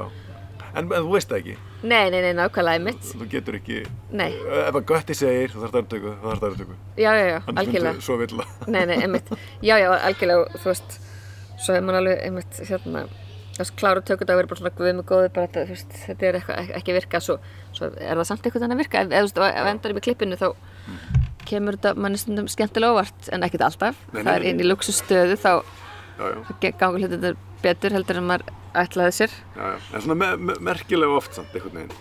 Já, Þú veist, út í að það er, það er, það er oft, uh, maður fyrir oft að sofa með mikið þunglindi sko út af einhverju bara, bara jafnvel bara setja síðast sem maður gerði. Já, já, var eitthvað hálfglatað eitthvað. Nákvæmlega. En allt eitt var frábært, maður kannski minna sig á það, þú veist Einmitt. Ég til dæmis með eina senu hérna í andiðælega þar sem að um, sem sagt, karakter Babi Dítu að ég er handtekinn og hún er látin st, afsala sér öllum sínum prívat eigum svona ringjum og þú veist svona sk- skartgripum og peningum og öllu dóti Mm. og hérna við náum þessu framan á hana Mhm. en svo, svo er komið bara hérna komið framleiðendur og er bara já, það er bara rap og ég bara við erum ekki búin að ná reverse þú veist, okkur við erum ekki með viðbröð þú veist, við erum ekki með fangaverðin það er bara, já, það verður bara leist síðar eða þú veist, eitthvað. Svo er það aldrei leist, aldrei. Og við erum bara komin í klippi í Belgíu. Og við erum átt inn ykkur örfá tökudag en mjög fá og þetta, og þetta ná svo mikið á þeim. Já, og svo einhvern veginn bara svona og ég er búin að vera sveflus yfir öllu sem er ekki búin að nást en þarna allt í henni bara virkar þess að segja hana bara frá einu vinkli við sáum aldrei fangaverðin en þú veist, einhvern veginn bara, það bara virkaði. Bara það bara virkaði það að við værum bara allan tíman á aðalpersoninni Já. þetta var ekki gefið að það myndi ganga upp. Nei, nei, nei. og ég var sannfærið um allan tíman ég alveg bara þetta menn aldrei þetta, þú veist, auðvitað þarf að fá fangaverðin ég meira come on. Og svo þurftum við hann er það var bara, þú veist, það var bara einhvern veginn svona listant statement sko. Já, þetta er óslega áhugavert. mm þannig að maður svona er neittur til þess að bara vera að gera þetta aðeins einfaldara heldur en maður ætlaði sér Já, já.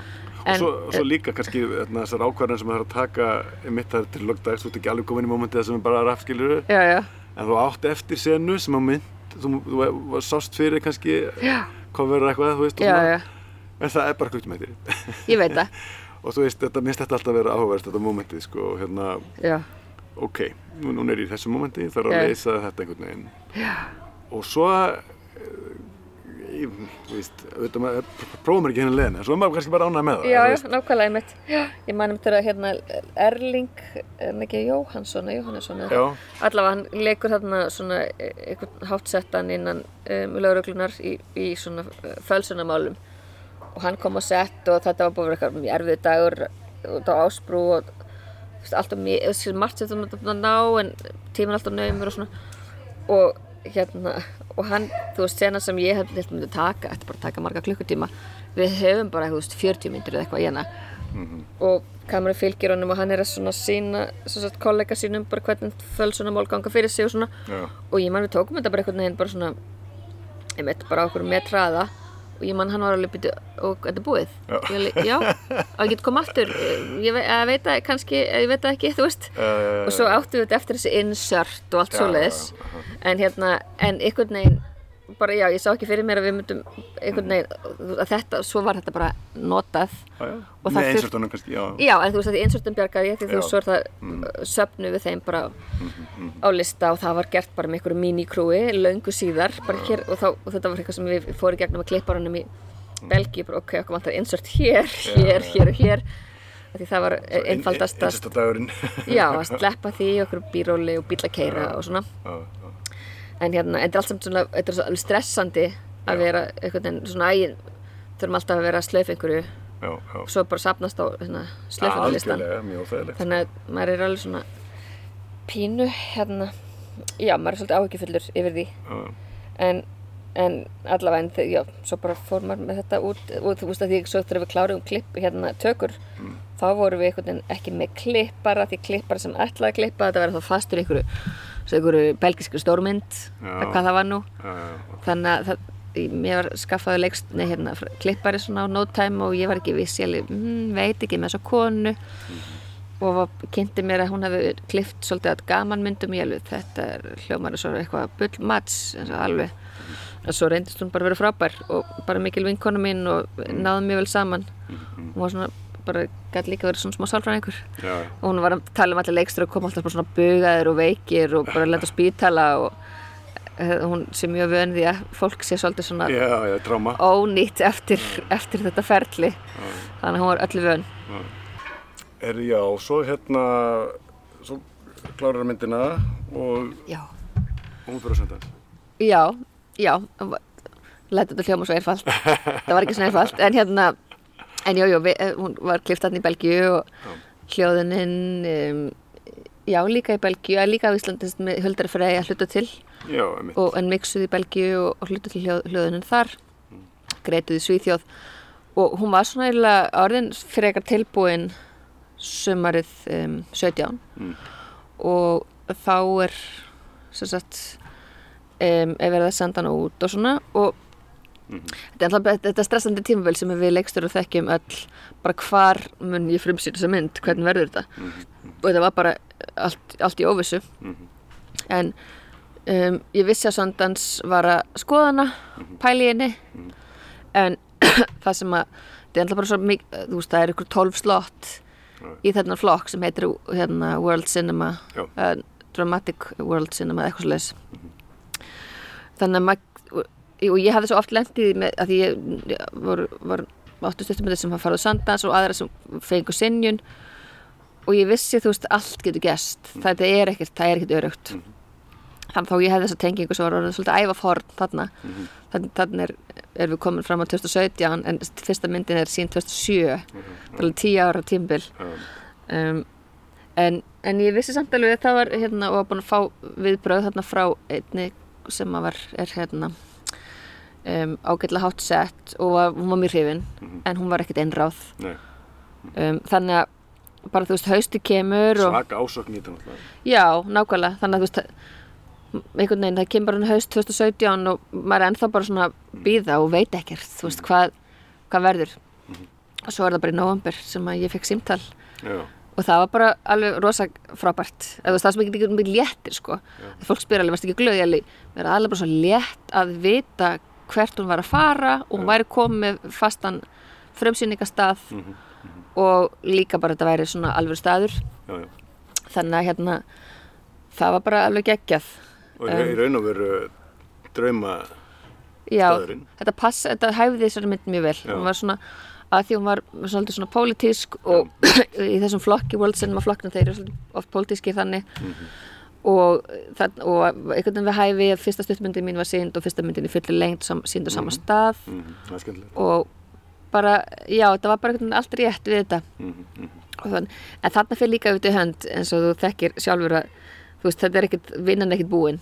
Nei, nei. Þú veist, það var ennþá einhvern veginn, það var ennþá eitthvað kreditlistamál í gangi og það var alls konar bara verkefni svona mörg, í mörg hann að líta og hérna trailerpælingar að fara í gang, þú veist, allt þetta og ég fann að vera náttúrulega með sölu agent fyrirtækinu. Mhm, þannig að hérna, það var svolítið svona kersla alveg svona Já, fram að jólum. Það og líka náttúrulega þú veist, við viljum fá leikarana með og, og bara þá, þá sem geta komist allt þetta, þannig að það er alveg svona þetta var bara eins og mjög, veist, mjög spennandi mjög skemmtilegt en alveg fullt af hellingsvinna líka. Um, og svo bara, já, fyrir við hérna út í, í hérna í janúar 2018 og, og bara hérna heldum hann einhverjar fimm sýningar og þetta er bara, já, þetta var ro- rosa skemmtilegt og mikil svona, mikil uppskeru kapli Já, og veluna. já, einmitt, svo það, það kom alveg stó, stórkostlega óvart. Já. ég einhvern veginn átti ekki vonað því. Aha, að því mér fannst þetta bara að vera svona svo mikill sigur bara að komast á þessu hátíð og myndin væri sínt já. þannig ég var Var bara, þetta pæli í því kannski? ég var bara ekki, gerði bara enga væntingar til þess Nei. bara fannst einhvern veginn já og ég kannski líka bara maður svona að halda væntingum í í lágmarki Já, já. og eitthvað bara eða bara var ekkert að þú veist, sá þetta ekkert fyrir mér Nei, nei. Það er líka svo bara arbitrary, þú veist. já, já, já, Það, sko, já, þetta, sko, það er einhvern veginn þýðir ekkert að vera, þú veist, það er, það er eitt að komast inn og þá er það bara Já. si- sigur, sko. akkurat en líka, ég hef oft setið í domnefndum og þetta er alls konar Já, já. allir með mismunandi skoðun Nákvæmlega. og þetta, þetta, get, þetta er bara svo hand, getur verið handáfskent, það getur svo margt verið Já, þannig að þó ég væri mjög peppuð fyrir hérna Mhm, ég held að, sta, að stærsti sigurinn var fyrsti dómurinn já, já. þú veist, þegar fyrsti dómurinn kom í hús að því ég var, maður kemur einhvern veginn inn svolítið svona alveg Mhm, mhm. græn, bara hvað, ég veit ekkert hvernig það er tekið, Mhm, ekkert að pressa með takinni og hérna ég var með eitthvað svona lört á símanni mínum þannig að ef ekki skrifaði eitthvað myndin þá fengi ég svona tilkynningu. Já, þá bara miðnótt í Salt Lake City. Já. nei, ekki Salt Lake, Park City. Já. hvort það var Screen International búin að byrta dóm og ég bara, og ég gati ekki lesa henni og var, ég var bara svo stressuð því hvað, hérna, hvað kemur og ég held ég var sendt á okkur útvalda hérna, sem tengdist m- mér og myndinni bara, þú veist, það er miðnótt í Park City, hef ekki lesið þú veist, dómur var þetta í hús já, og var bara eila létt, eila annað fólk kíkja Vá, fyrst, sko ok. að það var, það var tíminn á Íslandi, það var komið dagur á Íslandi eða eitthvað, það var já. tímamismunum þannig Og var það fólk að lesa þetta og svo herðu, þeir eru ótt að kíkja á það, Já, var það þannig? það var þannig sko Já, það var þannig. Uh, svo, svona ég er svona rétt, svona rétt þorð að kíkja svona okkar setningar og svo treysti ég til þess að fara í svona lesa allan. En ég, nei, ég var ekki, ég þorði ég ekki fyrst sko. Aha. og svo, en svo bara hélt þetta alveg svona mjög áfr, áfram með Jókom hætti Variety og Hollywood Reporter og fleiri svoleiðis. Þannig að þá fór mér að líða, þú veist, þá var ég róleg sko. Já, en hérna, en nei, það var bara já, svo á þessari velur afhendingu að vinna þarna til velun sem besti leikstjóri. Ég var bara ótrúlega hissa og glöð og, og líka því ég er aðdándi Rúben Östlund. Mhm, að Rúben Östlund var í, var í dómnefndinni. Já, já. hann var hann að veita þessi velun á samt þessum dómnefndarhópi. Já, já, þannig að mér varst það svolítið atriði sko. Já, já. um, þannig að já, það var bara mjög spennandi og, og þarna var Netflix strax hérna farnir að svona Mm, bjóða í myndina. Já, já. Sem mér fannst spennandi en á þessum tímapunkti var ég líka mjög meðvituð um með langa til þess að myndin færi eitthvað svona theatrical release. Og ég vissi að Netflix myndi bara skutlinn á vefin og þar með er málið dött og getur alla kannski túra á festival.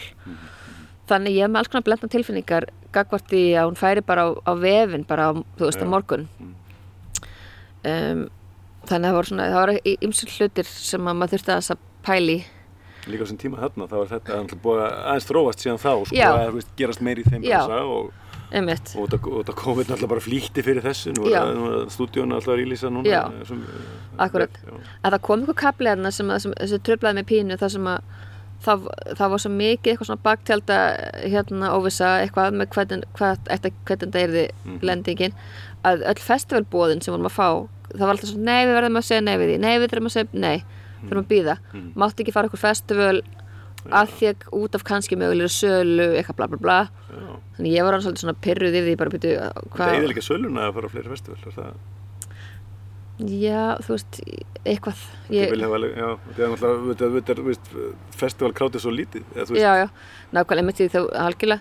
En þetta var eitthvað svona, eitthvað svona samspil þarna, alls konar þátt. En svo loksins fór þetta eitthvað að rofa til og fór að skýrast að Netflix ætlaði að eiga ákveðin territory mhm, og svo önnu svæði er þið selt til annara landa, þú veist Svíþjóð átti, átti Svíþjóð, Belgía með Belgíu um, Ísrael þú veist, kefti þjáttrikul hérna rétt, Tjekkland Gríkland, það voru ímsu lönd sem að tóku þjáttrikul og hérna og svo þannig að það fór alltaf að skýrast þá var hægt að fara að segja á við festivalum þegar þetta var, við vissum hver ætti hvaða mhm, mhm, hérna, hvað svæði. Um, og þannig, og þá, veist, það dögði mér alveg sko, þú veist, ég fór, tók eitthvað svona Amerikutúr með myndina og hvort, ég, ég man nú, ég er svo ruggli hvort ég fór en ég fór við það meðal annars til Írak sem var alveg mjög áhugavert. Já, veist, já, um, og já, svo alltaf Svíþjóð já, svo fórum við alltaf beint til Svíþjóður eftir söndagsfórum í, í byrjun februar Gautaborgarháttíðina já, og mann hann að Fí Preski velun þar ákvörð, gaggrindavelunin já, og já, ég fór til uh, Tyrklands. Og bara, já, var, var það svolítið mikið þarna tók alveg Hvernig fer hún svo aftur í bíó hérna, hvað, hvað líður, já, hún fyrir bíó í mars. Hún fyrir mars, hérna þá er hún búin að fara til Gautaborgar og svo, Já, svo- já, svo þannig hún er veluna, ko- hún er já, með algjörlega það var bara frábært. Það var aðeinsleg frumsynning hérna mjög svona gefandi og gaman að bara fá allt krúið og já, já, all, allt sitt fólk á þessa sýningu. Og hún er frumsýnd á svona, all, hérna, svona International Women's Day eða svona, e, Já. svona eh, já, hérna svona okkur hvernadegi þannig sem að var mjög við hæfi og var bara svolítið skemmtileg tilviljun. Um, og já, er þannig bí, þú veist, bara fyrir bíósýningar og svona. Hefði alveg mátt fá meiri sölu í bíó. Um, en hún er kannski ekki beint svona þú veist, þetta er ekki einhver svona spennumynd. Þetta er ekki Nei, gaman mynd, þetta er svona nei, aðeins öðruvísi, en hún fekk samt mjög góð kritík og mjög góð viðbröð, þú veist, þannig að fyrir mig persónulega var þetta alveg já, bara eh, hellings uppskera þó að kannski hefði mátt verið fleiri krónur í kassanum, já, sko. já, það er náttúrulega bara, það er, það er bara veist, já. þannig sé ákveðna tegundu mynda sem að ge gera það, sko, þetta er ekki eitthvað alhæft um Nei, nei, einmitt. Þetta var erf- erfitt að lesa það líka, sko, Já, já, nákvæmlega. En hún allavega mallaði þarna í Já. ykkur tíma og, já. og ég held að svona, já, svo þú veist, held ég áfram eða svolítið að var ferðar svolítið mikið með, með myndina eða út árið átján. Og svo fer hún Netflix í snemma árs 2019 um, og þá er einhvern veginn störfi mínu lokið, eða skilur, eða þú veist, þannig sé sko veist, hún fer á okkur hátíri viðbót og ger hluti. En þú veist, jú, en hún það, þú veist, var- var- kom hún í tíu velun eða eitthvað svoleiðis yfir þetta ár og þannig að ég var bara mjög, mjög sátt sko. Og svo gæti ég fylgst aðeins með viðbröðunum á Netflix hérna gegnum Twitter. Já, Það er, einmitt, hérna- einmitt. Já, já, mitt, það af því að, þú veist, já, ef maður, ef maður fær ekki þetta svona um, þessa svona þetta beina samband við áhörfundur sem maður gerir á kvikmyndhátíðum Já, eins og hefði mjög geti gerst um, þá getur maður allavega séð viðbröð á, á Twitter það er alltaf eins og með sjónvarpið. já, Það, já, þá, þú bara viðbörðum bara þar, sko. já, Svo veist mér líka, sko, það er eitthvað, hérna, um, sko, alltaf gaggrinni, sko, hérna heima. Já. Er orðið svo mikið eitthvað bara, þú veist, bara svo lí- lítið um það. Og einhvern veginn, uh uh já, átt litil metnaður og lélægt eitthvað, sko. Þannig að það er einhvern veginn svona... einmitt eh, sko, þannig að maður fær ekki eins og það, þú veist, almennilega. einmitt, það helst það bara svona kannski hva, þú veist, að, að samfélagsmiðlar stjórni umræðinni þá Já, kannski, Um- sko. um Já, verkið. Já, já. hverju sinni, en já, þetta er, allt, þetta er náttúrulega allt annað landslega heldur en var þarna meira sér þegar ég var að gera svo stuttmynd þarna Það er allt annað, 2006 sko að hún kom út 2006 á Íslandi góði gestir og fekk kritík frá Sæbinni Valdimassin í morgunblæðinu mér varst það mikill sigur að þessi stuttmynd fengi svona einhverja eh, umfjöllunum sem ég efast um að þetta gerist í dag. Já, alls ekki, sko. sko, þú og líka, mér, er sér, sko, í svartur leik sem kemur á 2012, mm. þá man ég eftir því að hafa, hérna, held á frumsýningar, hérna, kvöldin ég kom heim, sé, sé, þú veist, tverra gaggrinir sem voru, sem voru komna. Já, það? Já, Já. það sem var bara, þú veist, það var bara komið hjá fréttablaðið, eitthvað svona, Já, byrt þá. Einmitt, Þetta er ekki, þetta er ekki já, þeir voru bara alveg starthólunum á þessum tíma Já, bara- bara fylgjast með og ekki lengra síðan, sko. Nei, nákvæmlega. Og Nú er er- einhvern veginn orðsmikil hafsjóra grannlega af öllu Já, og, líka, og líka bara og þetta, mikil, lítill lestur. já, og sko lítill peningur í, í, í þetta hjá, hjá þessum fjölmennum, sko. það, það er það sem að, maður heyrir frá fjölmennunum, sko. Já, einmitt. Og svona einhvern veginn það er erfitt að vera með, hérna, með metna og þetta verður ekki peningur til fyrir því, og svona, sko. Þetta er rosalega, rosalega leðilegt, sko. Já, já, Og þetta, þetta, sko, ok, stjörnur eitthvað er eitt, sko, bara að sé umfjöllin og umræða sem er Akkurat. okkur faglega nótum. Það er það sem maður vil fá. já, já, Og, og, vil lesa um aðra myndir og svo fremins.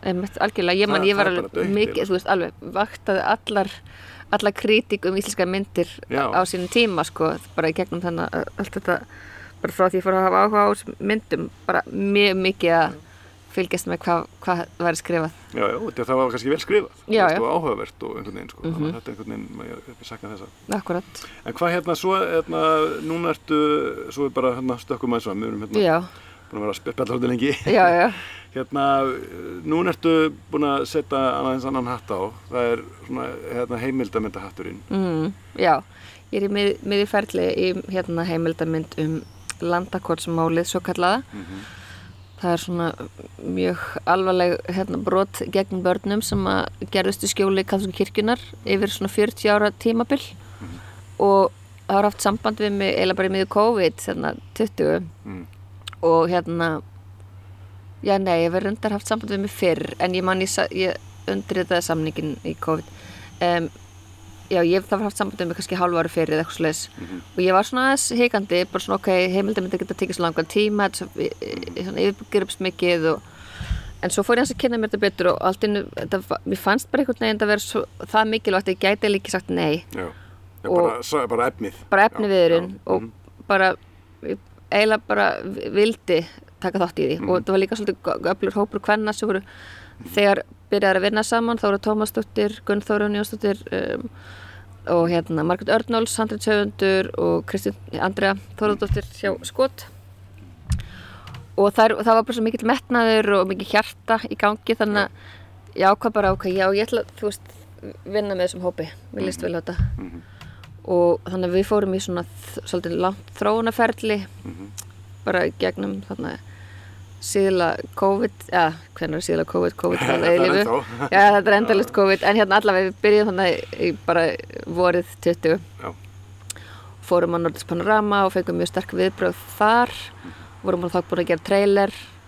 Var það Nordisk Panorama sem var það gegnum netið, eða veistu, var það, Já, þá, já, þá ég þess að ég var bara í Eurovision, þú veist, einhvern veginn að ta svona, tala svona við allt þetta alþjóðlega samfélag, já, já, já, einhvern veginn, en fengum, já, bara mjög sterk viðbröð. mhm, um, og það voru ákveðnir svona kaupendur sem vildu fá bara meira efni eða þannig þannig við skrifum mjög svona grúndíkt bara, eða þú veist 80 blæsina mhm, já, handrit eða þannig sko mhm. til að segja söguna og svona svakaleg saga. já, En, en er, hver, hvernig, hérna, hérna, en, endproduktið er hvað?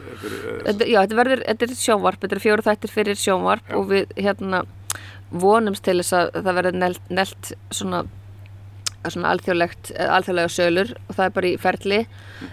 Rúfa hefur geft réttin og kvikmyndumistuð hefur styrt þannig að allt þetta íslenska er, er í höfn og svo er erlenda kemur skýrast. Um, við erum hérna búin að taka viðtöl við með mikið áhugaverðu og eða svona bara miklu svona heyra með erfiðar og flóknar sögur já, frá já. frá þólundum en ekki bara þeim, líka frá pólitíkusum um, hefum verið svona í ferli við nálgast skallkirkjuna sjálfa og erum að bara sapna eins miklu efni og við mögulega getum úr öllum áttum. Um, og þó að það sé vissulega búið að skrifa þetta langa ítarlega handrit þá erum við alveg opinn fyrir því að veist, það mun vantilega breytast. Um, og nú hérna verið að transkræpa efni. Er handritið, þannig að það er mest alltaf áhugavert, það er svona, það er 80 blaðsjur, það er, Mhm. Já, og það er með myndum, þú veist, það er svona myndskreitt og þú veist, það er svona svolítið sölu. tri- svolítið treatment formi, að þú veist, þetta er ekki, er svo í Nei. Nei, nei, nei, maður skrifir ekki díalóg, en maður skrifir, já, þú veist, maður býr til svona moment, að þú veist, hvar við erum, svona, í, í hvað sögu við erum hjá hverjum og hvernig hún fléttast inn í eitthvað annað og svo er þetta alveg, þú veist, þetta er pólitíst og um, þessir Þetta er svona að viti hvað vinkla ætla að taka á hlutin, það er svona Já, þannig sem að Já, að, og hvaða personur er verið að ræða við. Já, S- og því maður veit að þetta okkar konur sem eru búin að vinna lengi í rannsóknar dæminu Þóru Tómasdóttir og Gunn Þórun það er alltaf búið að svona prítaka við tölu fólk símleiðis til að vita okkur hvað, hvað sögum við þess að segja. Um, þannig að við vitum cirka bát hvert svo saga mun fara. En svo þegar maður er, fer svo spjalla við fólkið svona um, setna svona kamera þá er oft sagan stærri eða dýbri eða meiri að það kemur oft eitthvað svona eitthvað tvist um, auðvitað, þetta er alveg svona þetta er einhvern veginn svona völundarhús svolítið. Já, já, og þetta er náttúrulega mjög sláandi og ég er alveg svona svolítið sannfærðið með þegar þetta kemur loksins út þá það er margir sem átt að sig á umfangi þessa, veist, þessa brota. Já, og verður margir sleglinariðinir voru áður og líka Já. bara sérstaklega, þú veist, það er eitt að segja okkar skrifa prenti algjörlega, svo annað að heyra einhvern segja frá og lýsa því sem að- átti sér stað Hvernig er með, þú veist, eins og myndefni, er annað en viðtöl og svo leiðis, hvernig er eitthvað, eitthvað svo leiðis? Já, við náttúrulega getum, hérna, við hefum búin að vera eins og byrja ljósmyndasafni, það er, það er til mikið svona safn þar, svo er eitthvað til í kveikmyndasafni og svo, svo erum við líka alltaf bara að fanga eitthvað samtíma, hérna, svo sem við getum fengið frá, eða þá, tímabil, þú veist, ef við kannski fjallum 65 eða eitthvað, notum við bara myndefni kannski frá Reykjavík eða úr, af svæðinu. Um, Sigmar B. Haugsson gerir heimildamenn sem heitir Perla í Vesturbæ. Það sem er verið að fjalla um sagt, þennan skóla sem þá var þótti mjög virt. Já, virtur sko. Já, þannig að það er til eitt og annað. Hvernig, Um, er svo mynd gefð? svona 90, og ég veit ekki 5 eða Já. eitthvað, ég er ekki alveg klár 93, 4, 5 Hún er ekkert að taka á þessu málinn eitt, hún er um bara nei, nei, nei, um nei, skóla, já, bara tala um gæði mentunar sko. Ok, nei, nei, nei. áhugavert. Um, nei um, svo er þú veist það maður alls konar ég menna hann sér ekki verið hvað fólk, fólk á orðu 94 þannig við maður reynum náttúrulega vissulega að finna eitthvað myndefni hvað tengt já, því, hvernig einmitt. þess að það er gert. Þannig við erum alltaf að reyna bara við erum alltaf að grúska Já. og leita. Og þannig að þeir, þeir sem eru að hlusta eru lum á einhverju eða einhverju á heimavídeó eða heima hérna, filmur eða einhverjar upptökur um, hljóðupptökur að hvað það er sko. Já, já, en svo munum við líka um, gera not, sagt, kannski gera þetta einhverjum svona, svona 16mm stíl eða 8mm stíl þá endur gerum við kannski einhver moment, Já, einhver já. senur ok, og uh, hugmyndin er að þetta muni svolítið svona fílingur verði svolítið svona arkíf fílingur mhm, mhm. að, En, en, en, en er samt augljóst reenactment eða svo leiðis? já, já, já ekkert endilega svo augljóst en bara eins og þú sé, þú sé kannski fleiri Netflix myndir það sem að, að þú veist, ég, maður hefur sé myndir það sem að hérna, sem veit maður ekki hvað já, hvað er hvað sko. Já, það er bara, þessi bara blanda allir saman. Mhm, en hérna, en við erum, þú veist, þetta er svo, svo sem ekki, við erum ekki komin þetta langt. Nei. en þetta er allavega plönin og markmiðin og svona En þeir eru búin að vera tökum uh, sérst, á alls konar viðtölum og svo leiðis. já, já, Men hvernig, þú veist, hvert er hérna, þitt starf sem leikstjóri í þessu? sko, e ekkert svo það? ósvipaði að vera bara leikstjóri í hinnu, hérna í fiksjón þú veist, maður er náttúrulega alltaf í mi- miklu díalog við tökumannin Mhm. rosa mikil, við skátum tökustæði, við, við, við erum alltaf við, við mætum ekki bara eitthvað heim til einhvers við það er, við leggjum alveg mikla vinnu í það að pæla hvar við ætlum að taka þetta upp mhm, skátum heimilið eða hvaða stað sem hefum ákveðið að sé réttur mhm, og e- hugsa um þetta fyrirfram þú veist, löngu áður hvernig við munum hérna hvað vinkill og hvað bakgrunn er áhugaverður já. og allt svoleiðis. Hver er tökum að? Bjarni Felix. Já, mhm, um, og svo erum við líka svolítið að vinna með b-roll og við erum að, alltaf, við erum að pæla í svona aesthetic, tökum upp á Reykjanes er karakter sem býr þar. Þannig við erum að hugsa þetta svolítið listrænt. Um, hvað var það allt b-rollið allt svona, alla Já. umgjörðina. Já, þetta er, en fyrir auðvitað, þetta er, er, er sambærlega vinna nema náttúrulega ekki leikarar. Já, það er ekki leikar en, en Já, stundum hérna tala maður við viðmælendur að því að ég sitt kannski til hliðar. Já, ég er með monitor bara eins og þú veist gamla góða bara að hlusta og, og horfa minn monitor. Og spyrill er annarkvort Þóra Tómasdóttir ef að viðmælendin er eitthvað sem að hún hefur verið að vinna mhm, þú veist með þegar þannig eða Gunn Þórun þær eru við, þessi spyrill allir skiptis. Um, og þannig að einhvern tátt sko er dialogun þannig að ég kannski segi við Þóru ef hans að hæga tempóinu? Eða þú veist, notum þagnir eða þú veist, Já. ég fæ bara í rauninni að leikstýra þó að þetta sé venlegt viðtal, ef svo mórið komast. Skil, já, en hérna, og líka bara eins og leikstjóri gerir ofti bara svona hérna, leggja hans línurnar og lát passa viðmælið viti, við munum við ætlum, ekki að flýta okkur á mikið. Veist, þögn er góð. Uh, við byrjum hverja þú veist, hvert er viðtala á því? Eða kannski 30 sekundna þögn. Mhm, bara til þess að geta til átt það en maður þarf að nýta til klippi. Þannig ég er náttúrulega eins og segir ég held að hugsa til klippi sko. Já, ég meina, og sko, sko heimildamynd er náttúrulega mjög mikið leikstýr í klippi. Já, já. Í raun miklu meira en hérna, leikimynd finnst mér út af því að þar verður hún alltaf mikið til Já. Sko, getur farið í allar áttir. já, já. veginn, svo hoppaði ég líka aðeins inn í sko þegar ég var að ferðast þetta með, með Andriðella var alltaf býr flugvél Mm. þegar ég var á Íslandi kannski inn á milli tvær vikur í senn eða hvað var mm. ég þurfti svo mikið að, að þvælast þá hoppaði ég inn í klipp hjá henni Hrafnildur Gunnarsdóttur í með heimildamindina Svona fólk, Já, seríuna já, þannig ég var svona nýbúin að vera mjög svona og mér leiði eins og ég þú veist það sem ég uh, brann fyrir okkur nátt er að, að, að, veist, hafa pláss eða búa til, búa til rými í klippinu, alltaf aðeins að búa til meiri meiri öndun Mhm, mhm. þannig að það, veist, kannski það er eitt af svona mínum svona áhuga málum er bara svona leifum dótinu efninu að anda Já, já. vonandi tekst það sko að svo endanum en um, því já, bara svona sumar heimildamindir bara upplýsingar, upplýsingar, upplýsingar, Já. upplýsingar og þú veist, þú þarft að leifa fólki að að upplifa og finna og skinja en ekki bara, þú veist, dæla í Nei, dæla einhverju texta yfir allt. Um, þannig en þú veist, við erum bara þetta er bara í svona, í einhverjum miðjum fasa Já, já, þannig já, að, mjög- en- þú ert meira á.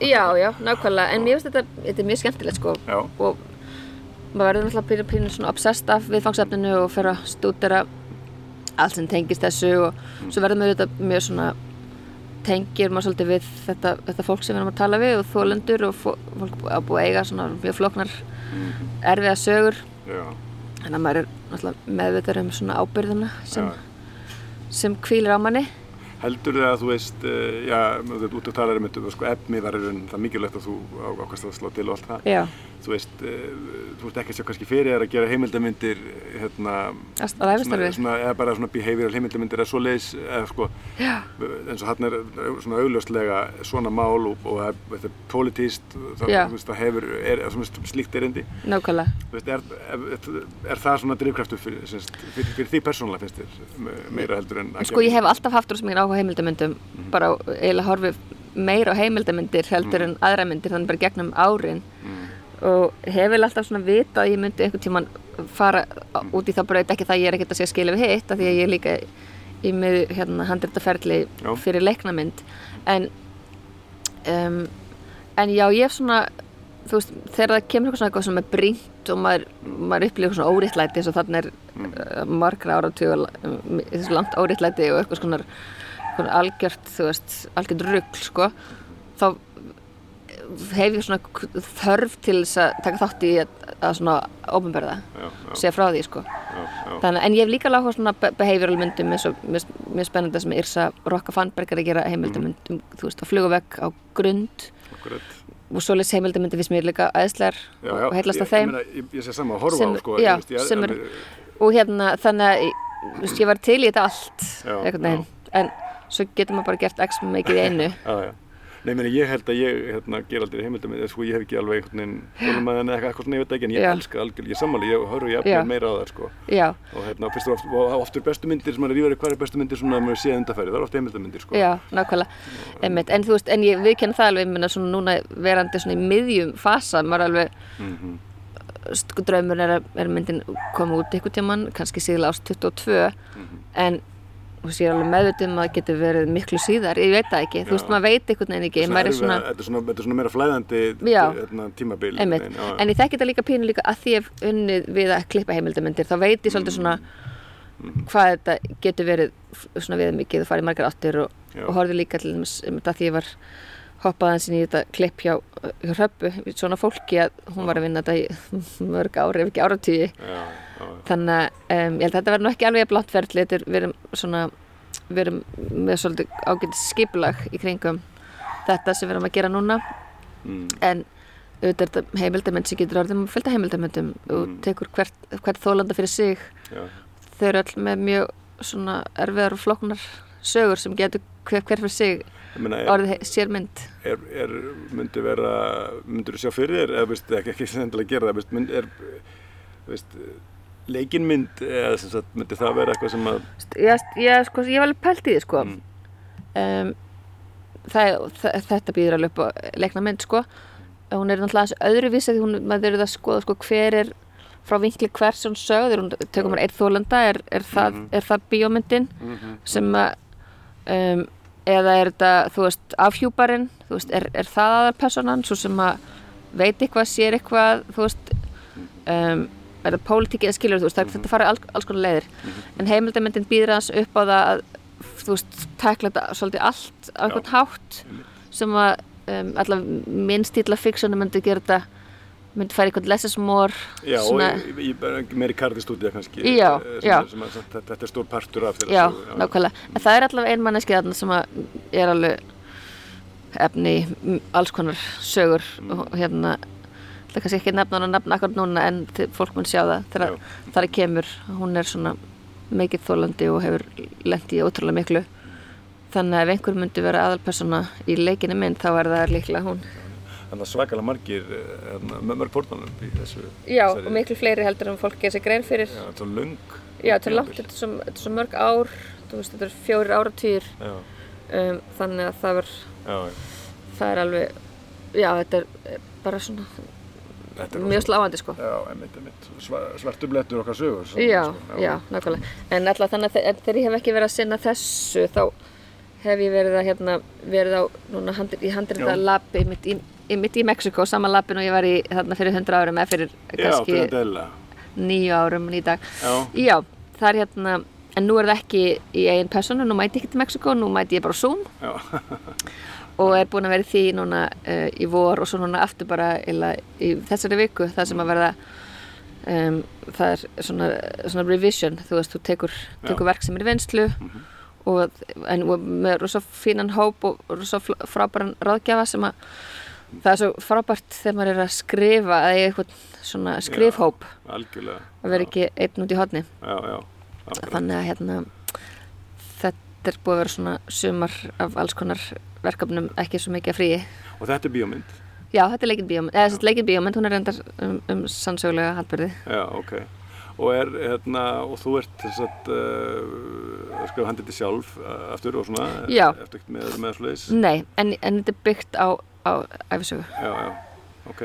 Þetta er byggt á hérna ástarsambandi Jóninu Leusdóttur og, og Jóhannu Sigurdóttur já, já, já, sem að hérna áttu í mjög flóknu og um, já, mjög erfiðu ástarsambandi sem hófst þarna þú veist, 84 já, 5, já, já, eitthvað svo leiðis um, og Jóninas gaf út bók hérna 2013 já, mm, það sem hún segir frá og ég man hér las bókinu fyrst ég alveg vá því ég sá fyrir mig svo, svo marga bíósenur sem voru svona hádramatískar og svona eh, erfiðar fyrir þær. Og svo náttúrulega er þetta svo langt tímabil af svona ykkur ást í meinum. Mhm, þannig að mér varst hún alltaf að vera svona bjóð upp á svo, mm, þú veist, svona þetta er bara gott bíómynda efni já, algjörlega.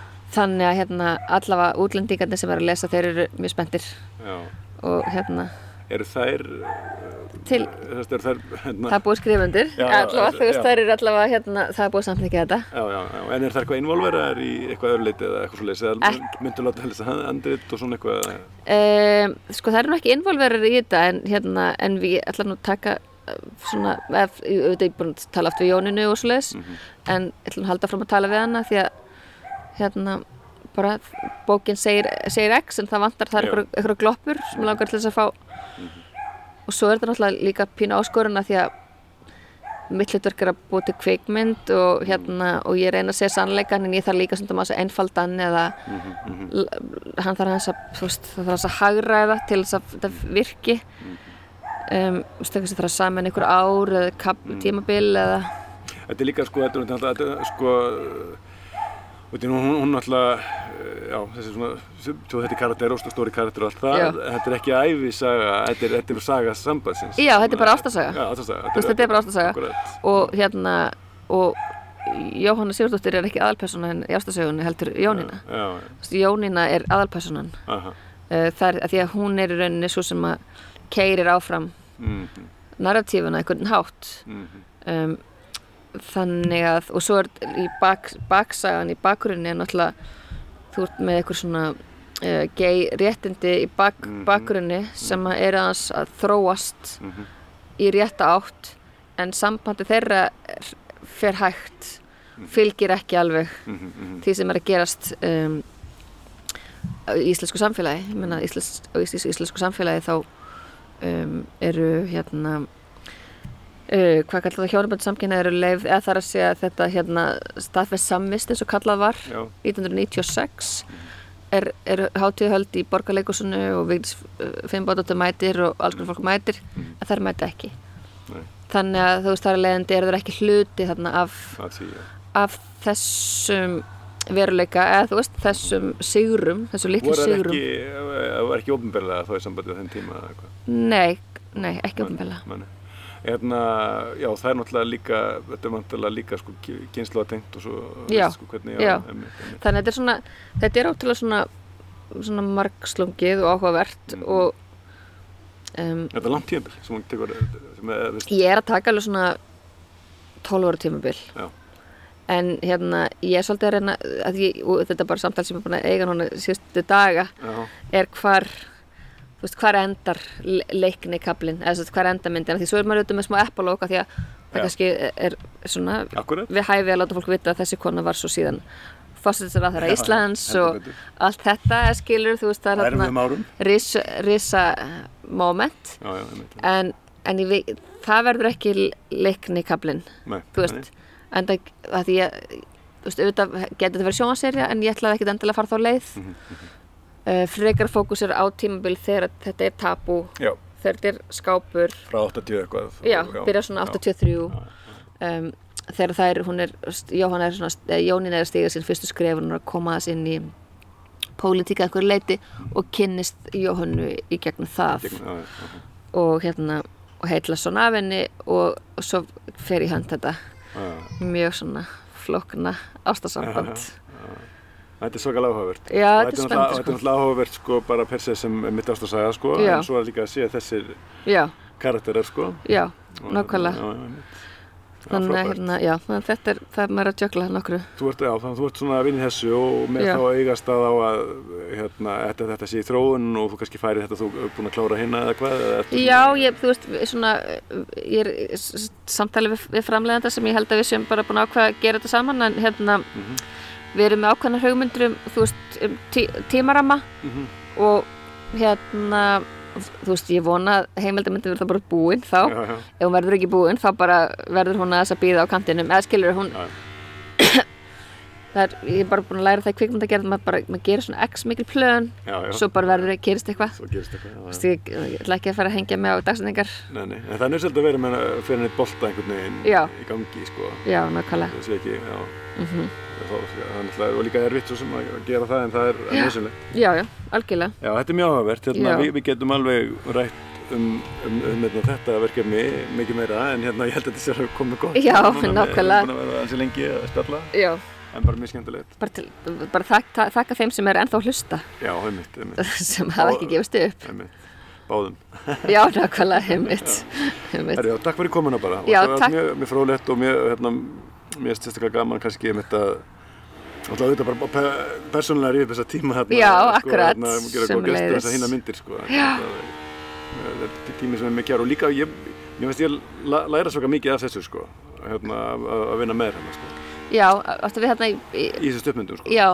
Það er mitt, veitna, sko, bæ, bæði þessi svona, svona þessi, uh, þetta, þetta sensitíft fyrir klippingu og það, sko, og Mhm. líka náttúrulega bara, og líka með vinna með leikurum, Já, en, en svo líka þetta, hérna, einmitt, þetta, bara til dæmis í þessari, í þessari mynd, sko, að, að elda kaotíkina í handhelda og eitthvað svona, sko. já, í njálskutinni. Já, þannig að ég, ég hef alltaf litið á þetta tímpil því ég var að vinna sem tökumæður sem var alveg svakalega mikið skóla, ekkert heldur en sko, sjálft námi. já, nákvæmlega. En, já, en, Þú, og, þú vinna með náðum ólíkum leikstjórum, einmitt. þú veist, þú með, hérna, með svona þitt sensibility, svo vann ég með öðrum leikstjórum sem kannski voru einhver, einhver sem hefur unnið sem leikari og, og Mhm. Já. alls konar sko, Einmitt, nákvæmlega, og sömu leiðis líka hérna, það var mér svona eða verðmætt að fá sko tökumann sem var, actually þú veist, að menta sig hérna í, Mhm. að því að þarna, fyrstu myndinni, þú veist, við vorum ekkert mörg sem hefðum gert mikið myndum, sko nei, þannig að þetta var Nei, mjög, nei. hérna, dýrmætt að vera með fólk sem vissi hvað var að gera já, já, Það- já, það, hérna, skipti sköpum. Það eru frábært. Já, Hérna- bara takk fyrir mig Já, við bara hérna og látum þetta gott þetta og kveðum. ok, segja það